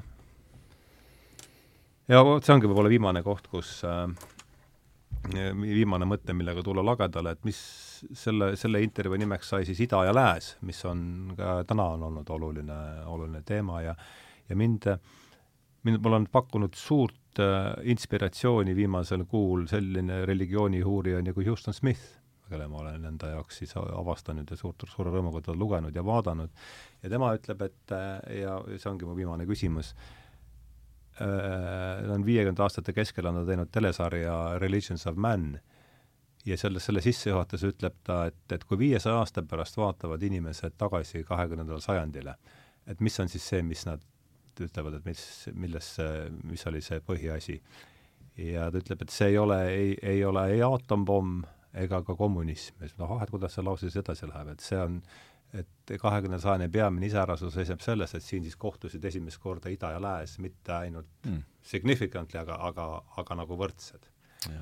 et mis te sellest mõttest, mis te sellest mõttest arvate, et see, see on see laias laastus ka see kontekst, millest võib-olla see tänane jutuajamine on üldse ka välja kasvanud nagu kui me püsime Gnoosise lainel, siis seesama helenistliku poolise fenomen on see ida ja lääne kohtumine Just. kõige kaunimal kujul.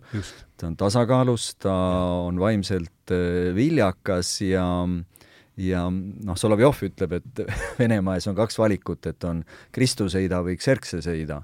ja nüüd selles poolises kas Kristuse ida või Xerxese ida. seda tähendab Solovjov. jah, Vladimir Solovjov. ja mulle nüüd tundub, et, ähm, et selle selenistlikus poolises äh, seesama Xerxese pool ja vaimne pool või religioosne pool äh, on väga harmooniliselt koos, et ta ei olnud mingi utoopia või, või selline päikeselinn, aga aga, aga see on võimalik ida ja lääne säärane, säärane kohtumine.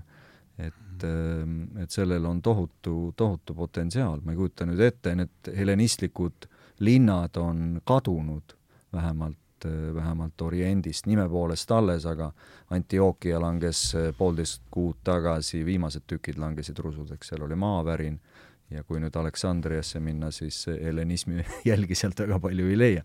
aga no vähemalt linn on olemas. Aga, aga seal on midagi, ma ei kujuta ette, mis no vaimne pärand siiski elab edasi, meil on ja. tekstid näiteks. just, jah, et nad ongi nüüd sellised imaginaarsed linnad mm. -hmm. jah, nojah, ja, ja, ja, ja Calvino Nähtamatud linnad tuleb jah, täpselt, jah, täpselt Calvino Nähtamatud linnad. jaa. Città invisibile mm. -hmm nojah, mingis mõttes on kogu see, kogu see pall ju nüüd nagu Aleksandria, et ega siin nüüd noh, sellist nägu teha, et see meie mõtlemine siin on ainuvõimalik, no seda ei ole ju, see ju lihtsalt, see rong on ju, ju läinud juba, et seda kella vist tagasi ei keera noh, et kui me mõtleme ida peale, me, me või kuidagi ilmselt äh, kristlaste mõtlemine on Jeruusalemma keskne või, või, või siis Püha Maa keskne, aga ida tähendab ju ka ütleme Hiinat ja seda poolt, et, et ja. mis vormis nüüd saab olema Lääne ja Hiina kohtumine, ma loodan, et et, et sealt ei tule üllatusi pool, poolis see ilmselt ei ole. ja, ja mida üldse, mulle, peaks, kunagi lugesin, peaks üle lugema, siis John Gray artikkel, et lääs ei ole surnud, et selle ideed elavad mm. edasi Hiinas ja noh, läbi selle kommunisti, no väga selgelt on ju seda loogikat näha, eks, kuidas, kuida-, peaks selle, peaks üle, ma peaks selle nüüd uuesti ette, ette võtma, et aga kaks tundi on saanud kõigepealt suur tänu, et oli väga huvitav teiega, ma sain ikkagi, ma ei ole ammu nii palju jaa, mina olen ka alati soovinud. Jaan Lahega vestelda või õigemini kuulata teda, et et nüüd oli kaks tundi, et aitäh. jaa, aitäh suur,, suur-suur aitäh tõesti, et et jah mm,, mõtteainet on siit nüüd, on siit nüüd pikaks ajaks ja ja ega ma, kas tahate, tahate veel ise lõpetuseks, lõppsõnaks öelda midagi, ei?